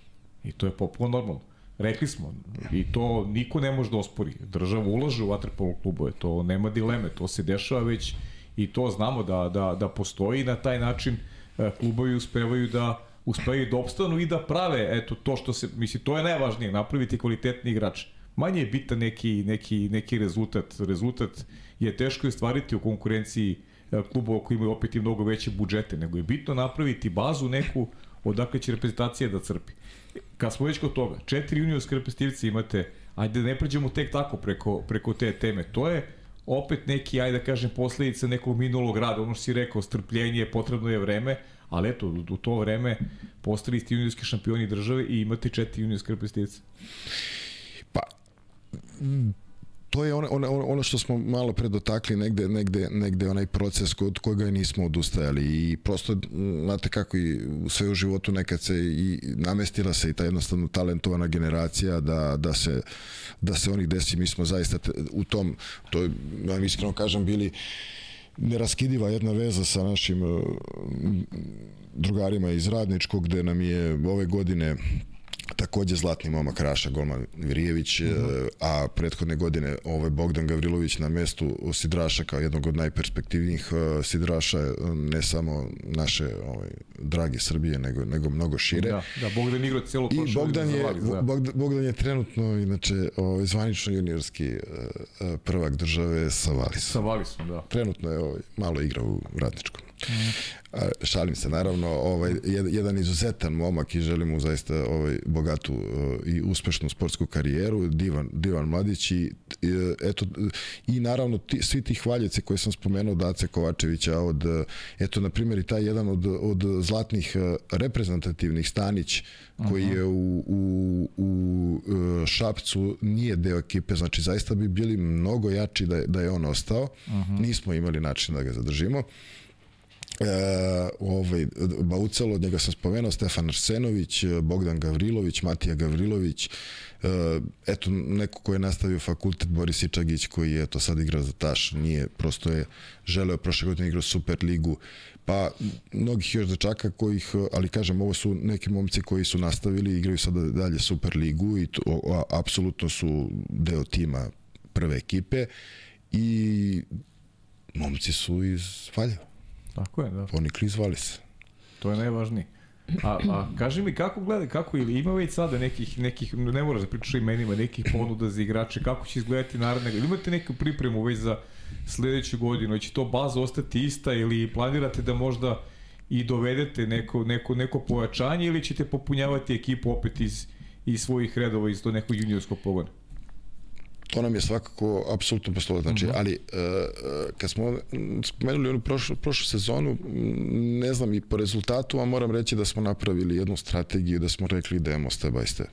Mm -hmm. Pa čak, na primjer, i da nam se stvarno ponudi neki, neki dobar generalni sponsor, mislim da ne bi bilo prirodno da sada kupujemo ne znam kakvih uh -huh. igrače, znači mi pokušavamo da budemo spoj mladosti iz našeg pogona i nekog iskustva koji je neophodan. Ja stalno to spomenem, kažem, pa ni Partizan u svojim najboljim danima kada ima po 600-800 RDC je ipak dovodio neke igrače, da li što kažeš ti iz Crne Gore ili iz Novog Sada u tom uh mhm. -huh. trenutku, ali neko dolazi, jel? Ne možeš na svakoj poziciji napraviti igrača koji može da se odze. Tako i mi, generalno, već smo nekim generalno pregovorima, to vam svakako ne mogu odati. Uh -huh. uh, naravno, Valis kako raste, postaje sve... Uh, to je bitno. Atraktivnija. Atraktivniji uh mhm. -huh. i tako dalje. Neko ko je da kažem, pre dve, do pre dve godine se zahvaljivo na ponudi, pa znate, ja sam razmišljao, pa ja bih voleo, uh -huh. pa ja bih ovo, pa ono. Tako da je to takođe još jedan u stvari e, za nas e, da kažem point da, da, da radimo dobru priču jer sada se sami igrači ovaj nude za razliku od toga da su do, do skoro bežali i nadam se da ćemo napraviti takođe jednu ekipu da se i eto kako smo bili bilo vrlo blizu premijer lige sa jednom pobedom, jedno sa, za jedan go nismo ušli, tako smo se pomerili i u Superligi na šestu poziciju, ove godine smo bili u onom, elit, onom najelitnijem delu sa šest, jel? Čeka nas sad i prvog prvog aprila Šabac igramo u Valjevu i posle toga isto čekamo Partizan kući. Uh, to su iz realno ekipe ovaj, koje su dosta realno i imenski i organizacijono kvalitetni od nas, ali drago nam je da smo u tom društvu, pa zašto ne znam sledeće godine ne bi imali ambiciju da se umešamo među 4 5 i tako dalje i tako da, dalje.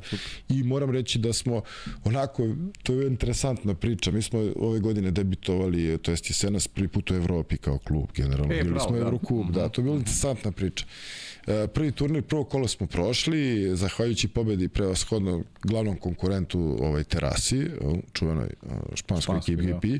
I sada ovaj, dolazi sledeći, to je bilo u Kranju, sledeći turnir je bio u, u Bukureštu, gde smo dobili zaista sve pohvale uh, zbog igre prikazane, nismo na, nažalost prošli ovaj, taj deo, ali sa, sa višestrukim prvakom Rumunije smo igrali egal utakmicu na njihovom bazenu, bili smo zaista najprijatnije ovo iznenađenje. I sad kad pogledate, ta terasa sa Apolonom igra ovaj, finale Final, Challenge, Challenge Kupa. No. Meni neprihvatljivo, uh, ali prosto da objasnimo slušalcima, bilo je tako pravilo, pošto se ove godine uh, pojavio treće takmičenje u Evropi, to je Challenge uh mhm. -huh. Cup, koji će biti navodno ove godine masovni, to ćemo videti jeste da samo uh, klubovi koji su iz Evrokupa ispali u prvom uh, krugu, oni su nastavljali dalje kao niži rang uh, evropskog takmičenja Challenge.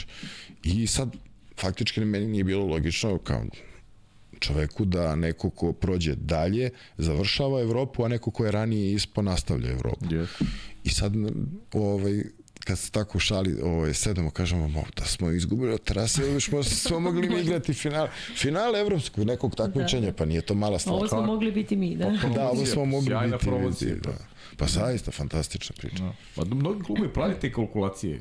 Ja znam da klubovi prave kalkulacije, ali, ali očigledno vi niste kalkulisali, išli ste dok... Išli smo sportskim motivom, dokle možemo, dokle možemo, ovaj, jer zaista ne bavimo se tim. A ovo je skore na toliko zdrava priča da vi ne možete sad i rezultatski da... Ne, nismo mogli, ovaj, nije, da to nije nekom palo na pamet, ali jednostavno nije da. Bilo je ideja, znači. E, a rekao si mi, ovaj Valjevski, rekao si nam da koliko ima Valjevski deci, imate sada dece koje iz okoline Valjeva koje dolaze da treniraju i... E, fantastično, hvala ti na tome. Mi smo, na primjer, e, te godine kad smo, to jest prošle godine kad smo bili prinuđeni da se iselimo sa našeg bazena, ovaj, otišli smo u Lajkovac i se zahvaljujemo i predsedniku opštine i ovim divnim ljudima sa bazena. Lajkovac je uspio da napravi svoj zatvoreni bazen, to je mesto od nekih 25 km od Valjeva, čuvena Lajkovačka pruga i tako, dalje, jel? tako je. Ovaj, I mi smo zaista fantastičan jedan, jedan, jedan uh, bazen koji nema, da kažem, onu krajnju maksimalnu sportsku uh, priču jer kapacitet nije baš tako, ali je za nas bio fantastičan. 33 puta 25 sve uslove uh, za odigravanje utakmica, za treniranje vrhunski ljudi fenomenalni, mi smo putovali i onda smo došli na ideju da ispromovišemo waterpolo tako da smo i tamo osnovali jednu sekciju uh -huh. i pokušavamo tokom leti, leta da šaljemo sve naše uh, trenere da rade promociju vaterpola tokom leta kroz škole dogovaramo se sa njihovim sportskim jer svi ostali mesta kao što je na primjer Osečina, Mionica uh -huh.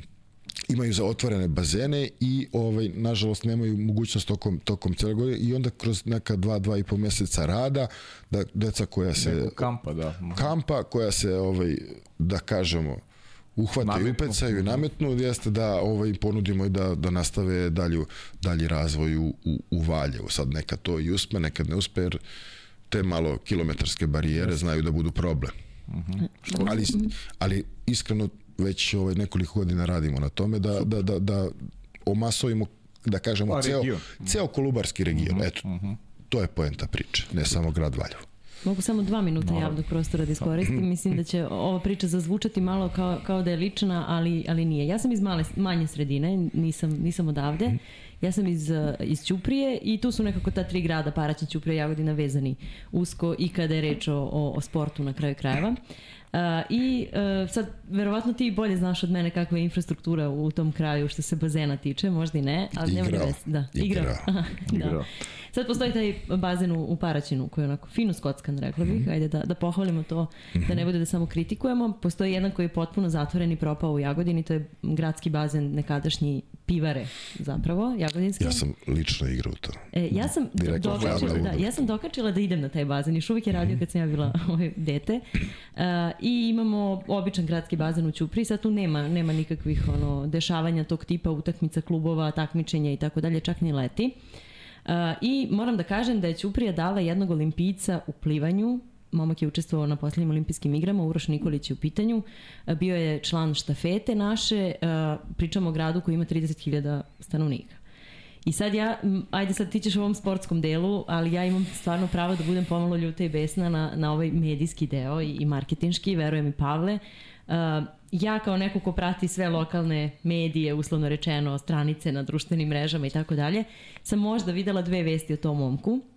Ne tiče se ovo ti, konkretno njega, već i, i neke ostale dece koje će možda naslediti i krenuti istim putem. Uh, Ovaj, uh, tako da, uh, evo kažem, ja nemam verovatno prave i, i cele informacije o tome šta se dešava u kraju odakle sam, tako da bih voljela da imam onako malo više načina da saznam nešto o tome, a, a onda da govorimo i o toj sportskoj strani, ulaganjima, infrastrukturi i tako dalje. Kojim putem treba krenuti da se ohrabre svi? Znači, pričamo i o lokalnim samoupravama, pričamo o uh, sportskim radnicima, entuzijastima koji bi trebalo da daju prvu moj, možda inicijativu, pričamo o roditeljima, deci, o svima, šta je prvi korak? Jer verujem da uslovi ni, ni, ni za tebe i vas, tvoju ekipu nisu bili idealni. Dakle, ne možemo čekamo da sad bude taj bazen ne znam kojih standarda i, i, i uslova i onda da kažemo, e, sad možemo da pravimo klub. Šta je, šta je polazna tačka? Polazna tačka.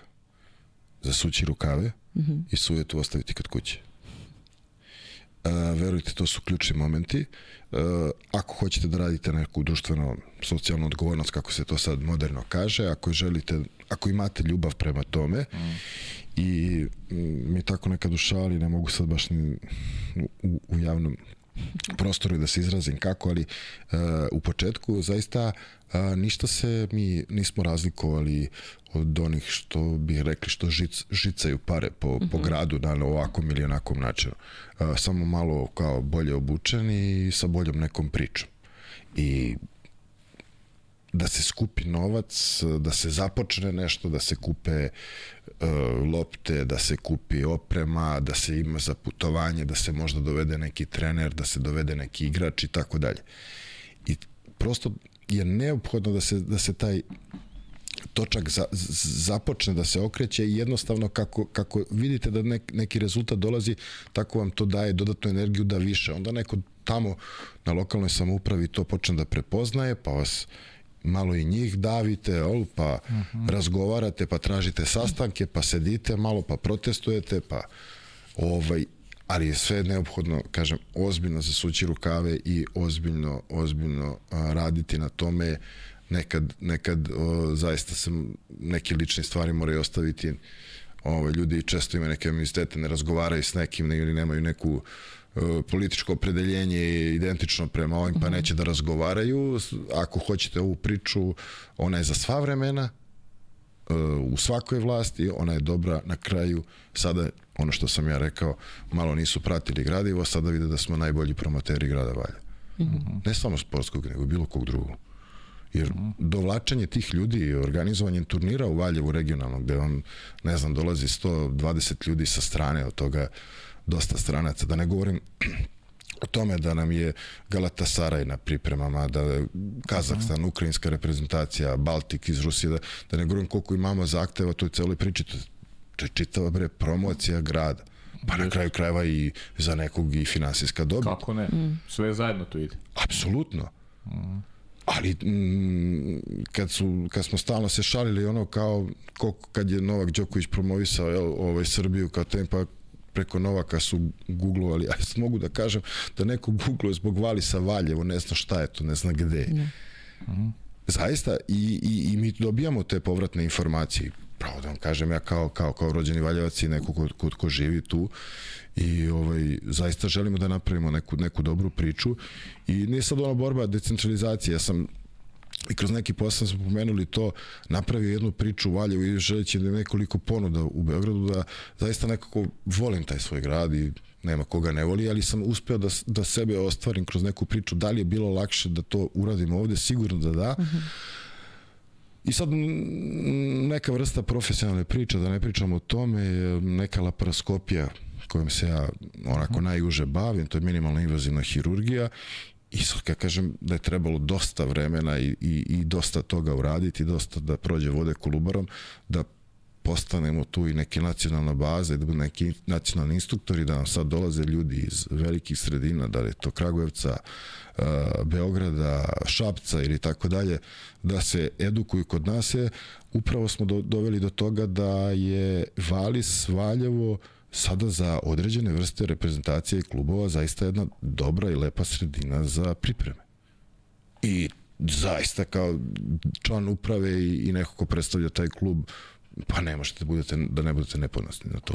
Mm. I to naravno da mora, i to, e, to je ono što mora da se, kako da kažem, da, da se prezentuje u, u grad, da, da oni to vide, neko nekad neće, neko zatvara oči, neko ne može to da vidi, ali tu ste vi, odnosno Tako ko je te neki mali klubi koji to moraju da, da, da, da plasiraju i na kraju sam siguran da će upornošću doći, doći rezultat. Da li je to lako i da li je to može ovaj, preko noći, to sigurno ne.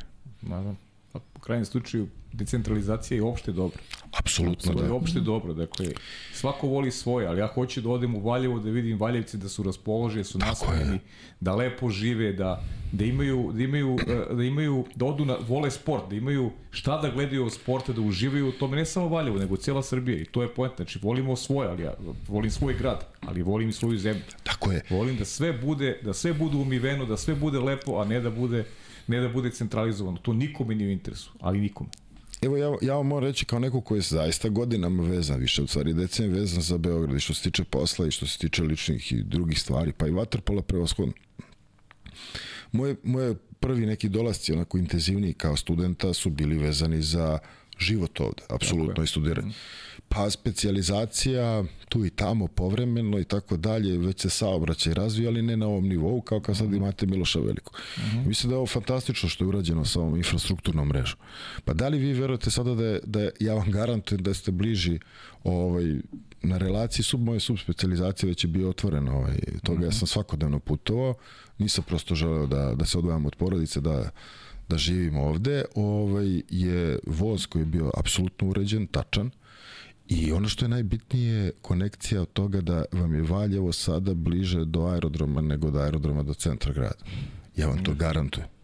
Pogotovo sad se otvara brza saobraćajnica i to je ta ona priča da ćemo mi na takav način napraviti decentralizaciju i Valjevo biti zaista prihvatljivo, pa onaj kad siđe sa, na, na aerodrom doleći takođe pripreme ovaj, u Valjevo. To je ono sve što se kao priprema, samo nam treba još nekako još malo da se to sve uobliči i biće, biće mnogo bolje. Uh -huh, uh -huh. Čekaj, mene zanima ovo da sve šta si, koji, se sećaš utakmice koju si igrao u Jagodini na bazenu? Joj, da, sećam se i znam da smo, uh, ne znam sad da li mogu da vidi gledalci boja ove uh, srpske reprezentacije, ova teget varijanta, -huh. uh, pošto ste upravo to rekli, voda koja je izlazila iz uh, pivare ovaj, jagodinske je možete na kojoj temperaturi bili.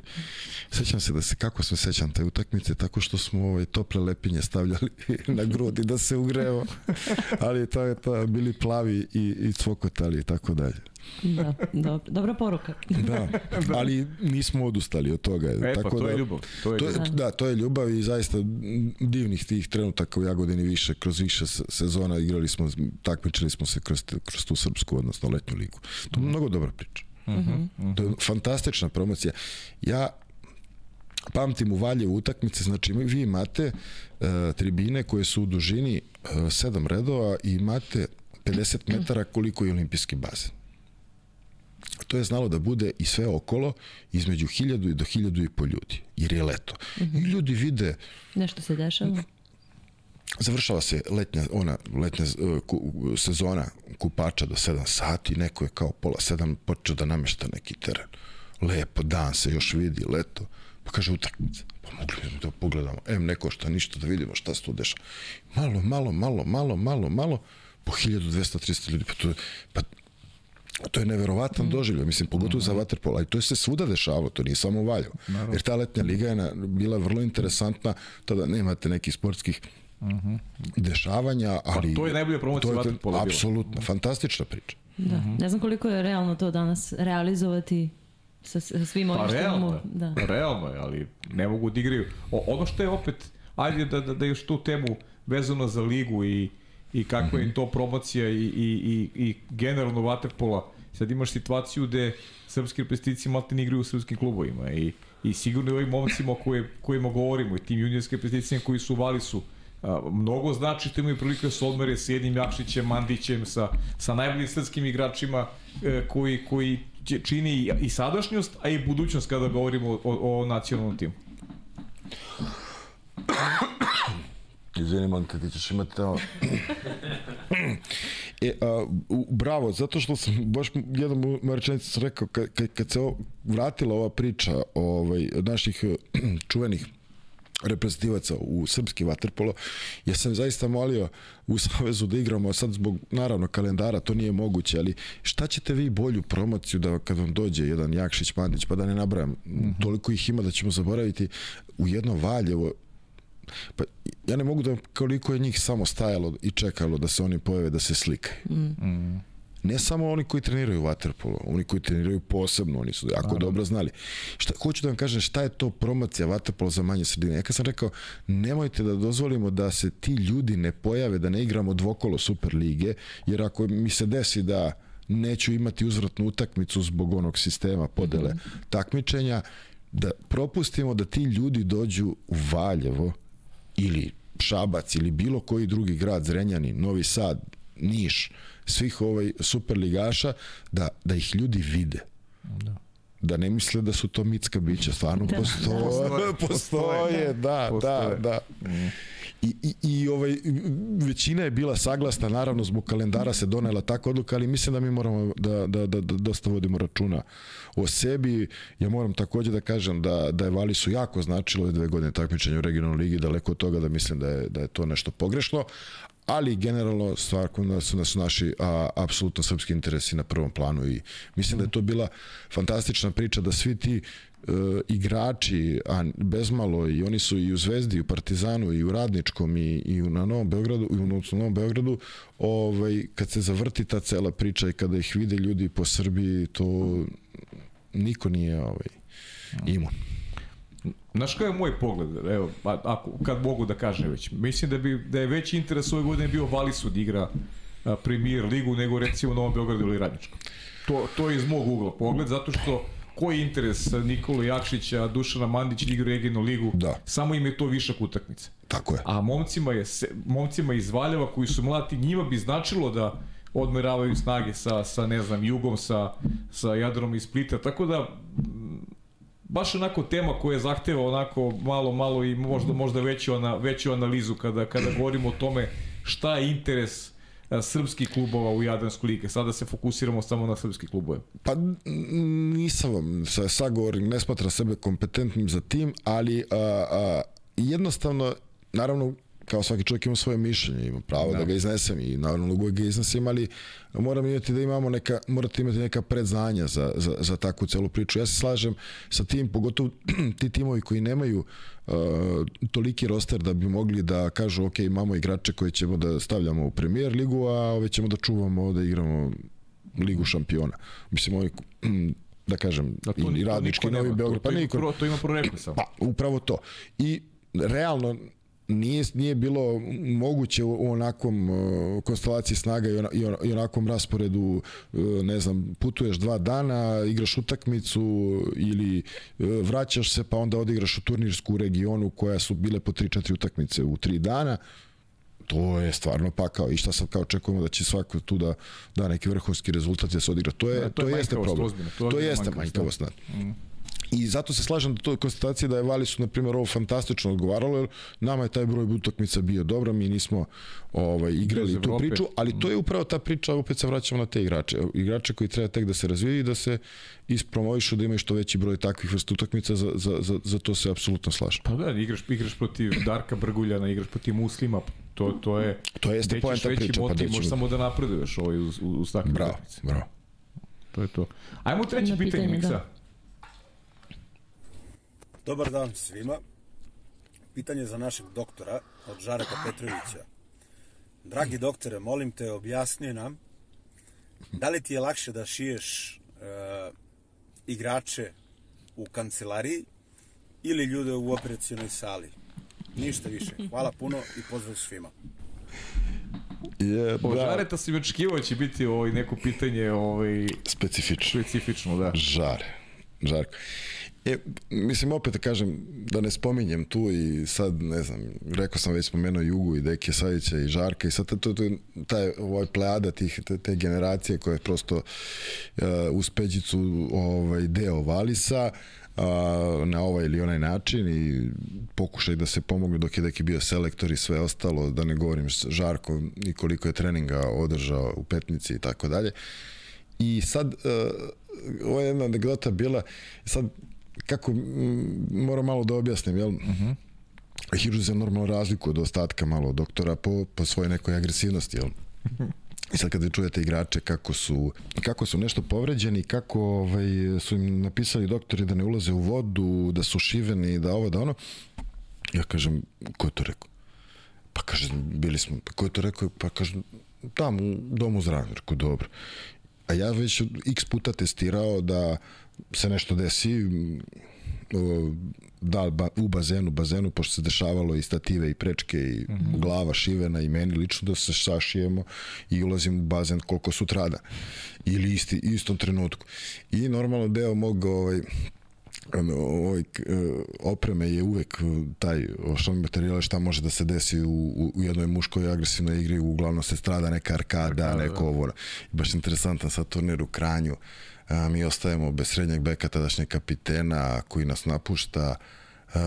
Nama najvažnije utakmice igramo sa Vojvodinom Proleterom za prošlogodišnji ovaj A1 I sad tadašnji ovaj, Aleksa Popović, ovaj srednji bek, naravno pucamo arkada. Doktor kako je dole nešto iz hitne pomoći, kao naravno ne može da nastavi i to. Sad imate one varijante nekih stereo stripova kao da se to bez šivenja i sve to stao tko u vodi, to nema šanse, to se ko, koža već ovaj, otkuvana, što kaže od vode, znači to spada, to nema šta, neće niko krvog da te dozove. Ja kažem, Aleksa, sine, jesi ti spreman, jel ti hoćeš? Kaže, šta hoću, hoću odmah da se vratim, daj. Ja onako na ivici bazena stoji, rekao, samo par šavova i tako dalje, vraća se u igru. Ona doktorka, pa dobro, ako vi kažete, nije nikakav problem, znaš, kad se vraća. Tako da smo zaista ovaj, par puta tako spašavali utakmice, da. I onda ovaj, zato, zato žare, tako da ovaj, naravno ovaj, uh, uh, dobro, mnogo, mnogo kompleksne stvari se dešavaju tome, ali ovo je bilo šaljivo pitanje, tako da, da sam da šaljivi odgovor. Tako da je, da se često to dešava, nažalost, to, te Pa da, povrede li, lica su u waterpolu često. A, mene zanima kako, kako izgleda tvoj radni dan? Na obe strane sa, sa sinom kog moraš da voziš na futbol. Znači, dobro, hvala, hvala, hvala. Da. Mislio sam da pitanje. Da, ovaj, e, pa jednostavno, ovaj, dobro, posao je sv- svakako, ja sam mislio da mm, generalno sam upoznao neka naravno posle, znači kao, eto, ja mogu reći sad slobodno da, da i, i, i, i ova ljubav prešla u jedan, jedan posao, jer gu- gotovo nema dana kad, da se ne bavimo nekoliko sati ovim, ne postoji.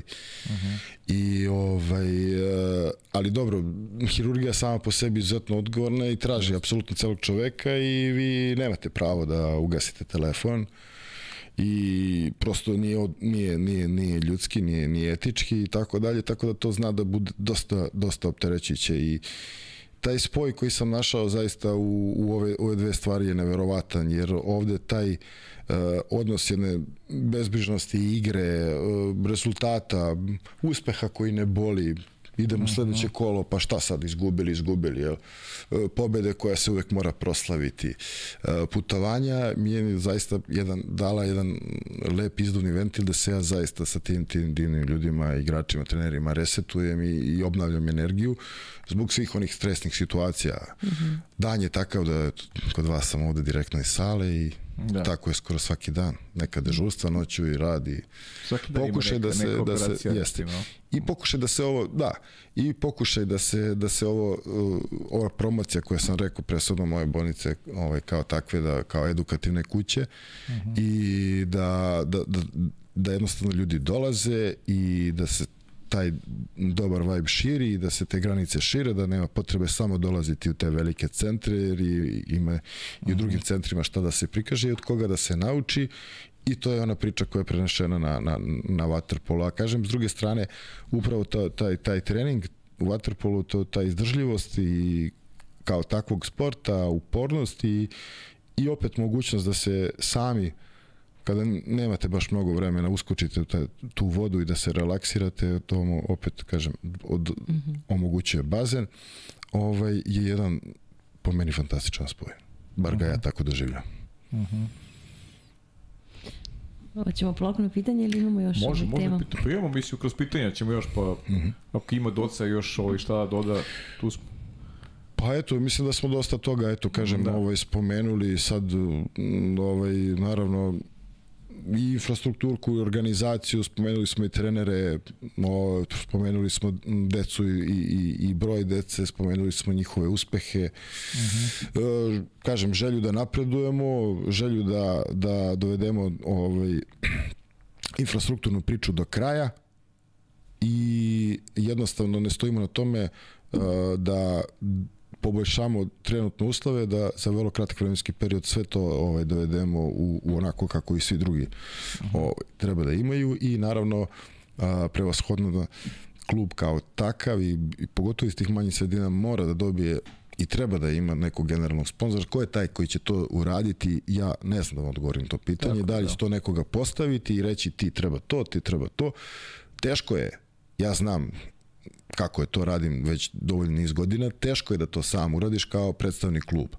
Mm. To je gotovo nemoguće i zato apelujem da se to reši, jer ako ne budemo rešili, ne samo što se tiče Waterpola, ovde smo pre prevashodno zbog Waterpola, ovaj, neće biti dobro. Da, neće. U budućnosti, siguran sam. Siguran sam, verujte, ja znam da je bilo ranije raznih opcija, pa je bilo i zloupotreba, pa su se ljudi zbog toga odvojili od te cele priče, ali ovaj ne, ne vredi jednostavno kako napredujete, tako se i finansijski ovaj, finansijska potraživanja dižu, tako da, da, da, da, da, da novac jednostavno postaje neophodnost u, u, u samom razvoju kluba. Ali ste razmišljali nešto na tu šta, šta uraditi, šta možemo da uradimo Jer teško je u, u sistemu, naravno, u kome živimo već koliko godina, već decenije su u pitanju postati, ostati samo održiv. I to je neka sada priča kako biti samo održiv u sportu koji ti ne možeš ni od transfera igrača prihodiš, ne možeš da prihodiš od ulaznica. Koji je to model koji može da te učini samo održiv? Opet mora da dobiješ neku, neku pomoć značajnu da bi možda mogao vremenom da, da, da, da postaneš samo održiv. Pa, um, momentu u ovakvom vrstu sporta je teško da bez neke opšte popularizacije, bez uh, tome pitanje samodrživosti, rekli smo, kod nas je gotovo ne postoji. Ja, mm. ja, ja je bar ne poznajem. Možda grešim, ali nisam siguran. Uh, što se tiče toga, to, uh, vidite, e, ja im prosto mišljenje da, da to mora da bude ono što smo spomenuli deo uh, uh, uh, uh, nacionalnog folklora. Mm -hmm. Vaterpolo je deo srpskog znači, folklora. I on kao takav mora da se neguje i da se gaje. Uh, za to nisu neophoda ne znam kakva sredstva. Rekao sam vam neki model koji smo već spomenjali kroz mogućnost da se vi sami u lokalu, da kažem, zaokružite jer ste sigurno kao takvi prepoznati i da ćete dobiti. Samo je potrebno nekom dati što kaže daj mu prst da bi mogao da dobije šaku. Tako, znači, da. uh, prema tome, taj siguran vid postoji. A, m, da li će se doneti zakon o posebnim stvarima vezano za, za, za sportove od nacionalnog interesa, kako smo već to spomenjali, da. kako je to kod Međara, da. pa ćemo možda generalno znati šta, s čime baratamo svake godine, jer ovo je zaista poslednje tri godine bilo i neočekivano i zaista je održalo evo ja mogu da kažem za svoj klub da nije bilo države i državne pomoći vezano za toga preko Vatrpol Saveza ja ne znam da šta bi bilo da, sa Vatrpol klubom Valis. Jasno. Za druge ne znam, ali za, za Valis. Pa isto je priča, da. Apsolutno. Mm. Uh, ja bih da počnem sa pitanjima, ali je tema koja i mene zanima, pa možemo malo i da je proširimo. Lena kaže, mnogo mi je drago da vidim da muška sekcija napreduje u svim kategorijama. Da li imate slične planove i vizije za ženski tim? E sad, šta je generalno bio problem? Problem, uh, mi smo prošle, preprošle godine igrali sa, sa, sa devojkama. Devojke su nam, nažalost, uh, otišle na studije i s čime smo se barili? To je ono, ono generalno, mi, generalno znamo da je na, na, na nacionalnom nivou popularizacija jako, jako ovaj, mala i mm. da je odziv jako tanak, da kažem tako. I mi smo, uh, kako smo došli do opšte ženske ekipe, ali izvorne domaće ženske ekipe, prosto kad su krenuli, ovaj, kako deca krenu da treniraju, sad negde uvek postoji neka sestra, jel, ili dva brata i sestra, i sad mi smo uvek imali tu akciju da kad deca ovaj, treniraju, kad već da, do, da ih dovode sve, da bukvalno je za drugog pola neke članarine, neki smešno, 500 dinara, treće, četvrto, peto, apsolutno besplatno. I, uh -huh. I onda su ljudi, pa kaže, super, kad ovog ja ima jedan voli, ajde ovaj prida. I tako se u svakoj generaciji pojavljivale neke devojčice koje su opstajale i trenirale, ja vam kažem, na primjer Tijana Janković je, koja je bila i reprezentativac e, ove Srbije, ponikla u Valisu iz Valjeva, znači neke devojke koje su otišle kasnije ove za Beograd, ali preko Palilu ili Zvezdi, ne znam, Andreja Marković i tako dalje, su imali, na, nažalost mi nikad nismo mogli da napravimo generaciju i selekciju, mm -hmm. nego se to nekako skupljalo, pa je to bilo, na primjer, razlika gde imate ekipu i po 10 godina. Mm -hmm. Prosto jednostavno nije bilo generalno održivo ta, ta priča, ali se nadam znate čim dolaskom već spomenutim da. koji je napravio najveći rezultat Srp, da. kao srpski trener u Australiji Peđice, da. Sa ženskim sa ekipom. Sa ženskom reprezentacijom, da, da. Jeste. Lena koja je I Lenu čekam ovde isto, sa Lenom dogovor postoji odavno, ali Pa, da mislim, da to, to, to su stvari, ali, ali tu vidite da, da to sve može, Znači, znači, znači ljudi to mogu, samo treba da se to malo organizuje, da se utegne, zategne, da se napravi promocija. Mislim, nije to ništa naravno mrtvo, već to postoji. Mislim, da kažemo da Zvezda, Palilula, Vojvodina prave ozbiljne priče. Yes. Mi smo se takmičili i to kaže Lenče, čekamo te, pa vidjet ćemo. Da. Dobro, ima mnogo pitanja o, o novom bazenu, to smo već prošli kada okay. i, i šta znamo, od čega zavisi. Uh, samo trenutak. Da li vas je sramota što vam sin igra futbol i zašto da? To je pitanje. ne, ovaj, uh, to je samo trenutno. Pazite, ovaj, trenutna stvar ovaj, ovih modernih roditelja ovaj, gde, gde, važi kao u, demokratija i sad nismo hteli ništa na silu, da ne bi nešto bilo ovaj, drugačije, ali ja sam se bio iskreno pitao e, da, da spomenem, jako je bitno da smo tu, znači, e, kući koji se gleda isključivo Waterpolo, Liga šampiona, SK, uh, ako nešto ima na, na nacionalno, jel? Od Waterpola vrlo, vrlo tanko i ovaj, gde su svaki dan neki mal, ajde da kažem ne svaki dan, ali svaki drugi, treći dan neki sastanci, gde se nekad gledaju utakmice pa se nešto analizira, gde je cela kuća ovaj, u znaku Valisa, od kupaćih preko majica, preko nekih medalja, preko svašta nešto, neko dođe i kaže, tata, ja hoću futbol. znači, ja, Šamar direktan. šamar direktan. Onda smo mi to pokušali jedno 4-5 meseci kroz letnju sezonu i odlascima na, na ovaj, da se dogovorimo da će to biti, ali ovaj, e, nije odusto. I onda sam ja našao slomovsko rešenje da kažem Pa znate šta, rekao, neko mora, rekao, daj, daj nek nam neki jedan bar jedan uspe u futbalu, rekao, igraćemo ligu šampiona i bit ćemo mirni 10 godina, a i sigurno ćemo napraviti svoje baze. to, to, to, to. Dobro. Um, samo trenutak. Pa mislim da je to to što smo prošli, Pavle, ako ti imaš nešto što ti Pa ne, ovo su Aleksandrom, da. Jedino ovo Aleksandrina, ne znam, ti, ti pratiš šta ja ovo Da, da, evo, ja sam još uvek na mrežama, pa, pa zbog toga ovaj. Ali da, Aleksandra nam je opet pomogla ovaj, mnogo da je Aleksandra, spomenemo. Aleksandra Da. ima milion pitanja, da. da. Aleksandra, ovo je, dobro, Aleksandra, ti imaš, ti imaš dvoje dece, tako? Da, da, da. Pričamo, pričali smo sad o futboleru, ovaj, šta je, šta je sa... A, sa, Sara je na vaterpolu. Sara je na vaterpolu. Sa, že- da. Tako da je to je ono, dupla, ali ok, imamo mi da se izučimo, to je da. balans. A eto, Da, znači, da. postoji balans, u- to je bitno, postoji balans među njima, ono, Da, da, da, da, da, da. E, pa spomenula si, pa aj- ajde na tome da se zadržimo, kako je bilo u Singapuru i ko- koja je to bila priča, ka- čiji je bio poziv, šta se E, dogodilo, to je e, mi, Aleksandra. mi smo, ovaj, da, ovaj, e, mi smo ugostili Singapur i očekujemo tamo ovaj, uzvratnu još priču, uvek, nismo aha. išli tamo. Ovaj, bio je Deki Milaković, došao je predsednik kluba, uh, ugošćen, radili smo neke pripreme, a, moram da pohvalim da su iznenađeni da da su de, deca ozbiljna, da su zaista kroz neke turnire nisu igrali samo sa Valisom, oni su bili stacionirani tu, igrali su i sa dečacima iz radničkog i mm -hmm. gde su još, ne znam, odigrali turnire i vali sam da su zaista pokazali uh, izuzetan napredak i uh, ja sam imao priliku i čast eto, da upoznam i Deke Milakovića da popričamo i onda mi je Isaković malo više i objasnio njegov rad i sve ostalo koliko on tu dugo i da se radi i eto kažem ljudi su ostali o, o, ostavili smo lep utisak tako da smo eto pozvani da sledeće godine igramo na taj ovaj turnir u Singapuru. Mislim da će to biti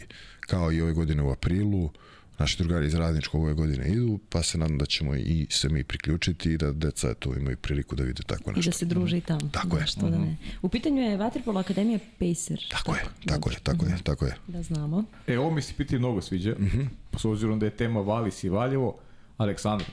Kaže, Valjevo je grad koji ima čime da se ponosi, grad u kome su rođeni mnogi znameniti ljudi i teško ih i sve nabrojati, grad sa jednom od najčistijih reka u Evropi sa svojom skadarlijom zvanom te, Tešnjer.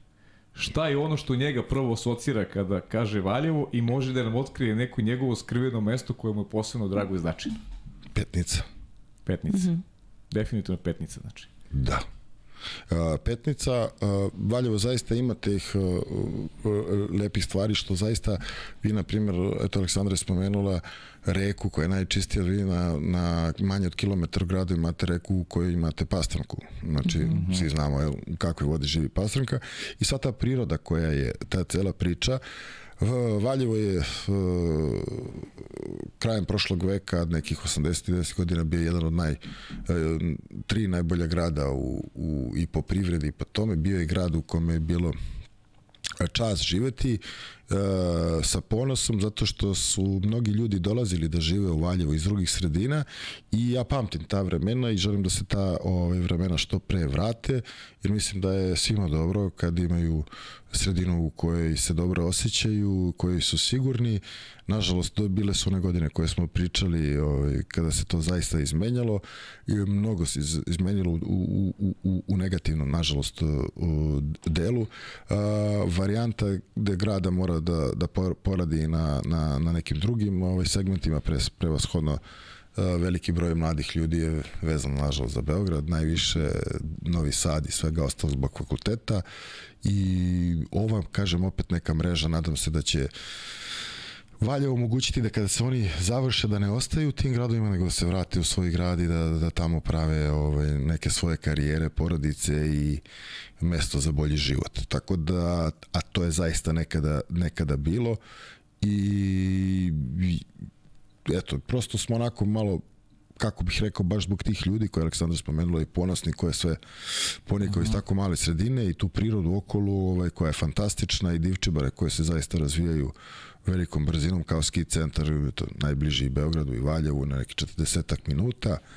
Tako da svašta nešto, ako mora da se kaže šta je Petnica, jer Petnica nije samo bazen, Petnica je jedna posebna, ovaj, da kažem, oblast u kojoj imate fantastično jezero za Pecaroše, u kojima imate čuveno naučno-istraživačku centru Petnica, da. koje dolazi najtalentovanija deca sveta, Evrope, ex država Jugoslavije i tako dalje i tako dalje naravno naše i to je jedan kompleks koji je uloženo značajno i koji izgleda zaista zaista impozantno. Uh mhm. -huh. Da. To je da ću da te da ću da, da ću da te postidim, ali prosto to su fakti, ovaj ti si dobio specijalnu nagradu i, i grada Valjeva iz oblasti i medicine i sporta, ono što si rekao na početku, tako da tako da si ovaj dvostruki laureat i koliko ti gode ta neka ta neka lična priznanja ili ovaj ili baš i ne voliš da se nešto nešto o tome ovaj previše priča? apostrofira. Pa ne, iskreno ovaj, ne volim jer, a, mislim, ne mogu da kaže, ne može čovjek da bude neiskren da kaže da mu ne, ne prija, a, uh mhm. da je to neko nešto primetio i da je to neko nešto zabeležio i da će to ostati negde i svako od nas nešto što radi želi da, da, da se na kraju to negde na neki način ostvari. Zaista kad dobiješ kao tu nagradu što sam dobio od svojih kolega ovaj, e, moram da budem ponosan jer su me oni za to predložili. Uh, na iskreno jako je bitan i način na koji je dobiješ nije samo da, da dalje dobiješ. Da. tako da ja te laureate nosim sa ponosom isto što su i opet i, i sportski ljudi iz grada Valjeva predložili ovu drugu priču, tako da e, prija o, ne smemo se previše opustiti i tome može da bude to što bi rekli je ovaj, kad je sve potaman ti onda stavi kamen u cipelu da te bar posjeća da, da, da nešto da, žulja nešto jer ne, nešto ne, da. da. Vrlo brzo dođe ne gordost, tako da, da se jako ovaj, i u slavi ponizi. Bravo. A ovaj, Aleksandar opet posjeća i to je opet, ja sam, ja sam to znao, ali prosto, prosto i tebe predstavljamo, ne samo ne samo Valis, ti si 2014. godine kada su bile poplave u Brenovcu, ti si tamo bio i spasilac i i lekar i dobrovoljac. U šta se sve, šta se sve sazna. Da. Jeste, ovaj, da, pa upravo to je, moram da kažem, ta, ta cela ekipa i evo sad e, se naježim kad se setim kako bili smo ovaj, uh, tri dana tamo, dve noći i šta smo sve, sva što radili je upravo je uh, vaterpolo ekipa Valis, upravo ta, ta, mm -hmm. ta mhm. garda i moj druga pomenuti Jaca Mladenović koji to sve organizovao, skupio, kompletna oprema je bila naša privatna, gde smo ovaj, dodatno kao ekipa angažovali uh, ronioce, koje smo znali mm -hmm. da su tu i mm -hmm. koji su poneli svoju opremu. Imali smo dve posade ovaj, od pod nas ukupno 12 po 6 ljudi. Uh, svašta nešto toga smo tamo ovaj, pomogli narodu i ovaj, bili smo ponosni na tome, vratili smo se onako vrlo, vrlo zadovoljni što smo eto bili deo toga, a priča da bude eto interesantnija jeste da smo to onako, to jest eto, kažem, acina ideja, mi smo se to apsolutno podržali, organizovali, ja sam napravio neku konekciju da smo mogli, mi smo to tada delili na Valjevsku i Beogradsku obalu, jer su ljudi bili odsečeni, E, sa ove strane ljudi nisu dobijali dovoljno hrane i lekova, pa smo to napravili konekciju sa, sa uh, Valjevom, da se sa te strane, da, pa je bukvalno napravljena vrlo brzo jedna dobra mreža gde smo, sećam se jedna, ovaj, kad je došla ovaj, jedna mlada dama ovaj, na, na porođaju, Meni sam bio tad u vodi, oni nisu ni znali ovaj, ko je šta, neko od mojih je vikao da se porađa, ovaj, ali s obzirom na, na, da, da, da je ipak bilo vreme i da se u tom trenutku stizala hitna pomoć koja je dove, dovozila lekove za hroničnu terapiju, da sam uspeo da izađem iz vode, da uzmem telefon, da organizujem da se i ta žena, hvala Bogu, sve vrlo brzo bila u Valjevu za manje od 40 minuta i porođena i tako, tako da je bilo i lepih stvari pored onih ružnih kojih je da, mogu da. se vidjeti svakako. Da. da. Sjajno, baš lepo. I ovaj korona period je bio posebno izazovan za, za profesiju celu tvoju. Da, užasan. Mm. Za moju pogotovo užasan. Mi smo bili tu prosto posmatrači i mi onako kao često u šali nekada ima tu velike istine, ko neki specijalci, znate, koji, koji su treniraju ceo život za neki zadatak koji će se desiti. Vi ne znate, mislim, šta može da se desi. Mi smo, moja, moja služba je aktivno učestvovala, koliko je bilo u tome, ipak je to nešto koja je bolest više vezana za, za infektivne i pulmološke grane, ovaj, ali nas da, jako nazadovala zato što nismo bili u mogućnosti da operišemo zbog raznoraznih uh, ovaj pravila u tom trenutku i ovakvih i onakvih. Nažalost, ljudi nisu bili e, mogućnosti da dođu standardno kod svojih lekara, da se pregledaju, da se diagnostikuju na vreme i sada imamo jedan značajan porast e, pacijata sa kološkog koji nisu diagnostikovani na vreme, kojima mi u hirurgiji ne možemo mnogo da pomognemo. Mhm. -huh. Čak što više gotovo ništa. I to se jako sad dobro vidi. Nažalost, veliku žalost i uopšte rezultati su takvi, tako da, da, da za nas hirurgiju jako poražavajuća ovaj, priča mm -hmm. i mislim generalno za sve. Za, m, nije nikom ništa dobro donelo, to, to stoji, ali mislim da je bilo pitanje direktno da, usmereno da, za, da, da, za, za moju ovaj, uh, usku specializaciju, tako da je, da je to onaj problem što su se ljudi lečili od COVID-a, na primjer onkološki pacijenti su bili po strani i to je sad vidjet ćemo šta će statistika reći na kraju balade. -huh. I ja ću još jedno ovo pitanje koje viš kako, kako se sve saznaje, opet je, kaže, kako se jedan opšti hirurg osjeća kada se nađe u ulozi kardiohirurga, u sve okolnosti ga uradi perfektno i spasi jedan ljudski život? I, a, I šta se sve saznaje? da. E, Sad ne znam, ali sa etičke strane smijemo da otkrivamo ili ta priča već... Mm, prič, mhm. priča je izašla, e, dobro, bila u medijima, bilo interesantno što opet da, drago mi je da, da, da se desilo da je to upravo bila jedna ovaj, koleginica, medicinska sestra iz, iz upravo spomenutog Lajkovca i to je već generalno u medijima i ona je potencirala tu priču da su eto sa dve strane dobili, dobili neku priču. Ja naravno pamtim to i pamtit ću do kraja života, to je upravo bilo ovog septembra. 21. kad sam ja bio dežuran, eto sticam okolnosti se desilo kad su nas obavestili da izuzetno ovaj, žena sa izuzetno teškim stanjem, opštim stanjem dolazi u bolnicu, da budemo pripravni, da, da pripremljeni, da jednostavno nije bilo reakcije i tako dalje, neko iskustvo, prepoznavanje situacije, mm više decenijsko školovanje, rad je sve dovelo da smo vrlo brzo prepoznali da apsolutno ništa nije bilo ovaj, u mogućnosti da se uzme ni ime, ni prezime, ni, ni bilo šta, postoje neki kako se, principi kako se to sada da radi. Eto, ja mogu da kažem da smo u kratkom vremenskom periodu sve to prepoznali da je od momenta ulaska do, do momenta kada je, na primjer, povrede koje su bile vezane za trbuh zbrinute unutar 3 minuta, ali smo videli da se nešto generalno dešava van cele te priče, sad to je neka druga, eto kako bih rekli šupljina, grudna šupljina, da tu postoji neki problem, tu mi ni abdominalni hirurzi, abdo, abdomen, jel, mhm. abdominalni, nismo ovaj, familijarni jer prosto se ta patologija vezana je za grudne hirurgije, kad pluća u pitanju za ovaj, srce, kardiohirurgiji i tako dalje, ali u, u takvim hitnim situacijama morate da, da, da reagujete i da zbrinete pacijenta. Tako da smo eto prepoznali to, otvorili grudni koš, videli da, da, da, je, da je povređeno srce, da je puklo, jednostavno nije bilo izbora, bilo je da se šije na, na, na, na, na otvorenom srcu kucajućem, na našu pre sve na pacijenta i na, pa na našu sreću zadovoljstvo da je to sve prošlo ovaj, super, da i pacijent je ujutro predržan u urgentni centar zbog multiplih nekih povreda, nagnječenja grudna koša i pluća, da je jednostavno moralo na tercijalnom nivou da se zbrinjava, da jednostavno hiruški više ništa nije rađeno i žena je nakon mesec dana došla kući, živa i zdrava i Ja se to dešava jednom u karijeri, jel? Pa, mislim, ili jednom ili nijednom. Za, mm -hmm. za dva, ne znam.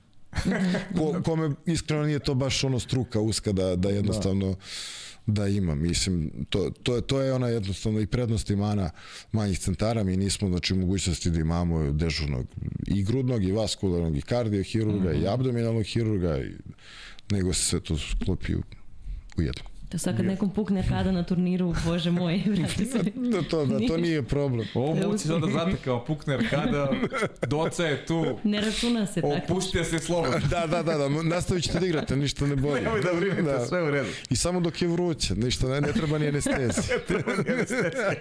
Što kaže, ko je pitao za anesteziju? Pitao je Žare, ne, nije, pitao je... A, ne, Žarko je pitao, ne, Žarko je za infuziju. Za infuziju, za infuziju. Da, da, za infuziju. Za infuziju, za infuziju. Za infuziju. Da. Tako da, eto, ovaj, svašta se to izdešavalo, tako da ovaj, interesantno i ne može više, ništa da se sakrije. Pa, ne može, ne može. Pa, dobro. pa dobro, ove afirmativne i ne treba došao da si, da. Došao si na pravo mesto, ovde nema, nema ove skrivalice. Ovde. Ja zaista moram da se, ali najiskrenije zahvalim na pozivu, toliko mi je bilo prijatno i, i, i zaista ovako, imao sam zaista onako i skepsu i, i tremu, nije lako, početku, je, lako je, da. jeste, ali evo, kroz ovaj razgovor se opustio i stvarno hvala vam, ali od srca. Znaš kako, mi za krajem obično malo da naš porodica je ipak temelj svega. Apsolutno. I, pa ajde malo da, da, da istakneš koga ti želiš da istakneš i da da završimo da završimo sa sa porodicom. Pa nerazvojni deo mm -hmm. vaterpolo kluba Vali su supruga Marijana koja je koleginica, ona je pulmolog mm -hmm. i Sara i Relja. Sara je starija ćerka 8 godina, a Relja je mlađi sin. Mm -hmm. a, šest godina, to je budući ovaj sponsor vaterpolo kluba Vali. I kad ovaj kad da, još ne zna to. Karijer, ne zna još, dobro. Dobro i mislim zaista smo zajedno svuda i ja imam veliku veliku ovaj podršku pre svega supruge u, u toj celoj priči jer nije lako ovaj ženi da sluša skoro svaki dan i da gleda waterpolo ili da ima ovaj svako drugo veče upravni odbor u, u svojoj kući ovaj, i kad se izađe negde opet se priča o vaterpolu i u kafani i tako dalje. A još ako vam ona i kuva tom upravnom odboru, nije njoj lako, da. Ne, ne, nije, zaista nije i hvala jednom tome, ali ovaj, nekako smo eto se napravili malo da budemo svi kao porodica, pa iskoristimo nekad i neko putovanje da, da budemo svi zajedno i u sklopu toga, tako da, da to zna da bude ovaj, zaista lepo. Uh -huh. I oni mi znače naravno kao podrška kad su uvek tu i kao navijači za, za Valis i da, da i oni naravno vide da, da, da se to nešto lepo dešava, to je jako uh -huh. bitno. Docu, ali ima nešto što bih hteo da kažeš, a nismo te nas dvoje pitali? Pa zaista, ja ne znam, svašta smo nešto prošli, ovaj, još jednom zaista veliko hvala i uh, I veliko hvala svim ovim ljudima koji se ovaj zaista ovaj od srca bore za vaterpolo klub Valis i što smo eto imali viziju i, i želju da uspemo i što se nismo e, već pomenuti hel što nismo sišli sa tog puta zato što je vrlo lako ovaj naći neki, mm -hmm. neki, nek, neku stramputicu i sići, a teško se držati i da ne promenimo kurs koji sam vam rekao, da radimo, radimo, radimo, da čekamo rezultat uh, za 10 godina to nije lako. Jer današnje vreme je tako, brzo je, sve vam je neki short varijanta, da li je ono TikTok, da li je ovo, da li je pesma od 20 sekundi koja traje realno 4 minuta, tako i ovde. Očekuje se neki instant rezultat i sve ostalo i treba biti zaista strpljiv i svi su zaista u ovoj se držali toga, niko nije odusto i ja im se svima zahvaljujem pre nas uvodno što ovaj, zaista koriste svoje vreme e, i sve ostale svoje da, da, da ovaj klub bude ovaj, na ovom nivou koji je sad. Da, meni je mnogo drago, moram da kažem što smo, ajde, pričali smo o ovom prvom timu koji je u bazenu, ali mi je drago da smo jednu skoro celu epizodu posvetili i timu van bazena koji se bavi jednim klubom. Uh -huh. I to opet kažem kao, nadam se veliki podstrek za, za neke manje sredine, manje klubove koji su u nastajanju ili tek treba da se osnuju, za možda neke ljude koji sede kući i smišljaju plan kako da to urade, a nemaju ga, pa možda vide da je okej okay da nemaju plan, ali da treba početi od nečega. I ja se nadam da ću jednog dana kada odem kući ovaj, kod mojih da ih posetim imati opciju da gledam i neki vaterpolo tamo u kraju. Tako to, to bih najviše voljela da, da bude eto, i, i taj neki rezultat svega ovoga što smo danas čuli. Hvala na lepim rečima. Znači, ja što kaže naša adresa i telefon je uvek tu ako možemo da pomognemo da. nekim savjetom i mm. pravljenjem tek piramide koja je jako bitna. Baza, vrh. Baza, vrh, da. Doco, pa hvala ti puno. Hvala vama. Ovaj, hvala ti puno. Ovaj, drago mi je da, da, da smo prošli kroz emisiju. Sigurno ćemo se vidjeti privatno, a znam da ćeš biti ponovo na tom mestu u nekoj drugoj prilici, jer jasno mi je da, da ovaj Valis ima neki put koji ide ovaj nekom uzlaznom linijom, a mi ćemo kao podcast to, to da podržamo i da budemo svedoci e, tog vašeg uspona i sve najbolje i tebi i porodici i svima u klubu i čekamo neke, neke nove vesti, neke nova, neka nova ostvarenja iz, iz ovaj kuhinje Vatrpolo kluba Valisa. Hvala. U sledećoj emisiji smo već na Doco, to smo se dogovorili i sad da, smo prešli na ti. Da, sledeće smo na Docu, a kad da. smo kod sledećih emisija mi imamo neke dogovore već uskoro, doći će nam i Goran Krstonošić, pričat će malo o Bečiju, doći će nam i Srđan Vuksanović, malo ćemo da pričamo i o njegovoj karijeri, Kazahstanu, Kuvajtu, ima tu ovaj svega. Bavit ćemo se ženskim. Bavit ćemo se i ženski vaterpolo klub Crvena zvezda prosio 10, 10 ovaj, God. godina od osnivanja. Tako da ima tu nekih ovaj, već do, dogovorenih emisija, naravno... Ovaj... Ne plašimo se ni za goste, ni za temu. Ne, ne, ne, ima, ne, da. U, uvijek ih ima, da. Da. Ja ću sa svojim cvećem da odjavim ovu emisiju. ovaj, uh, hvala vam što ste bili sa nama i ovog četvrtka. Sve ono što ste propustili, sve već znate, čeka vas na YouTube kanalu, na svim našim društvenim uh, mrežama. Nadamo se da ste uživali još jedne zanimljivoj vaterpolo i ne tako vaterpolo priči i naravno vidimo se sa, sa novim temama i novim vašim pitanjima sledeće sedmice.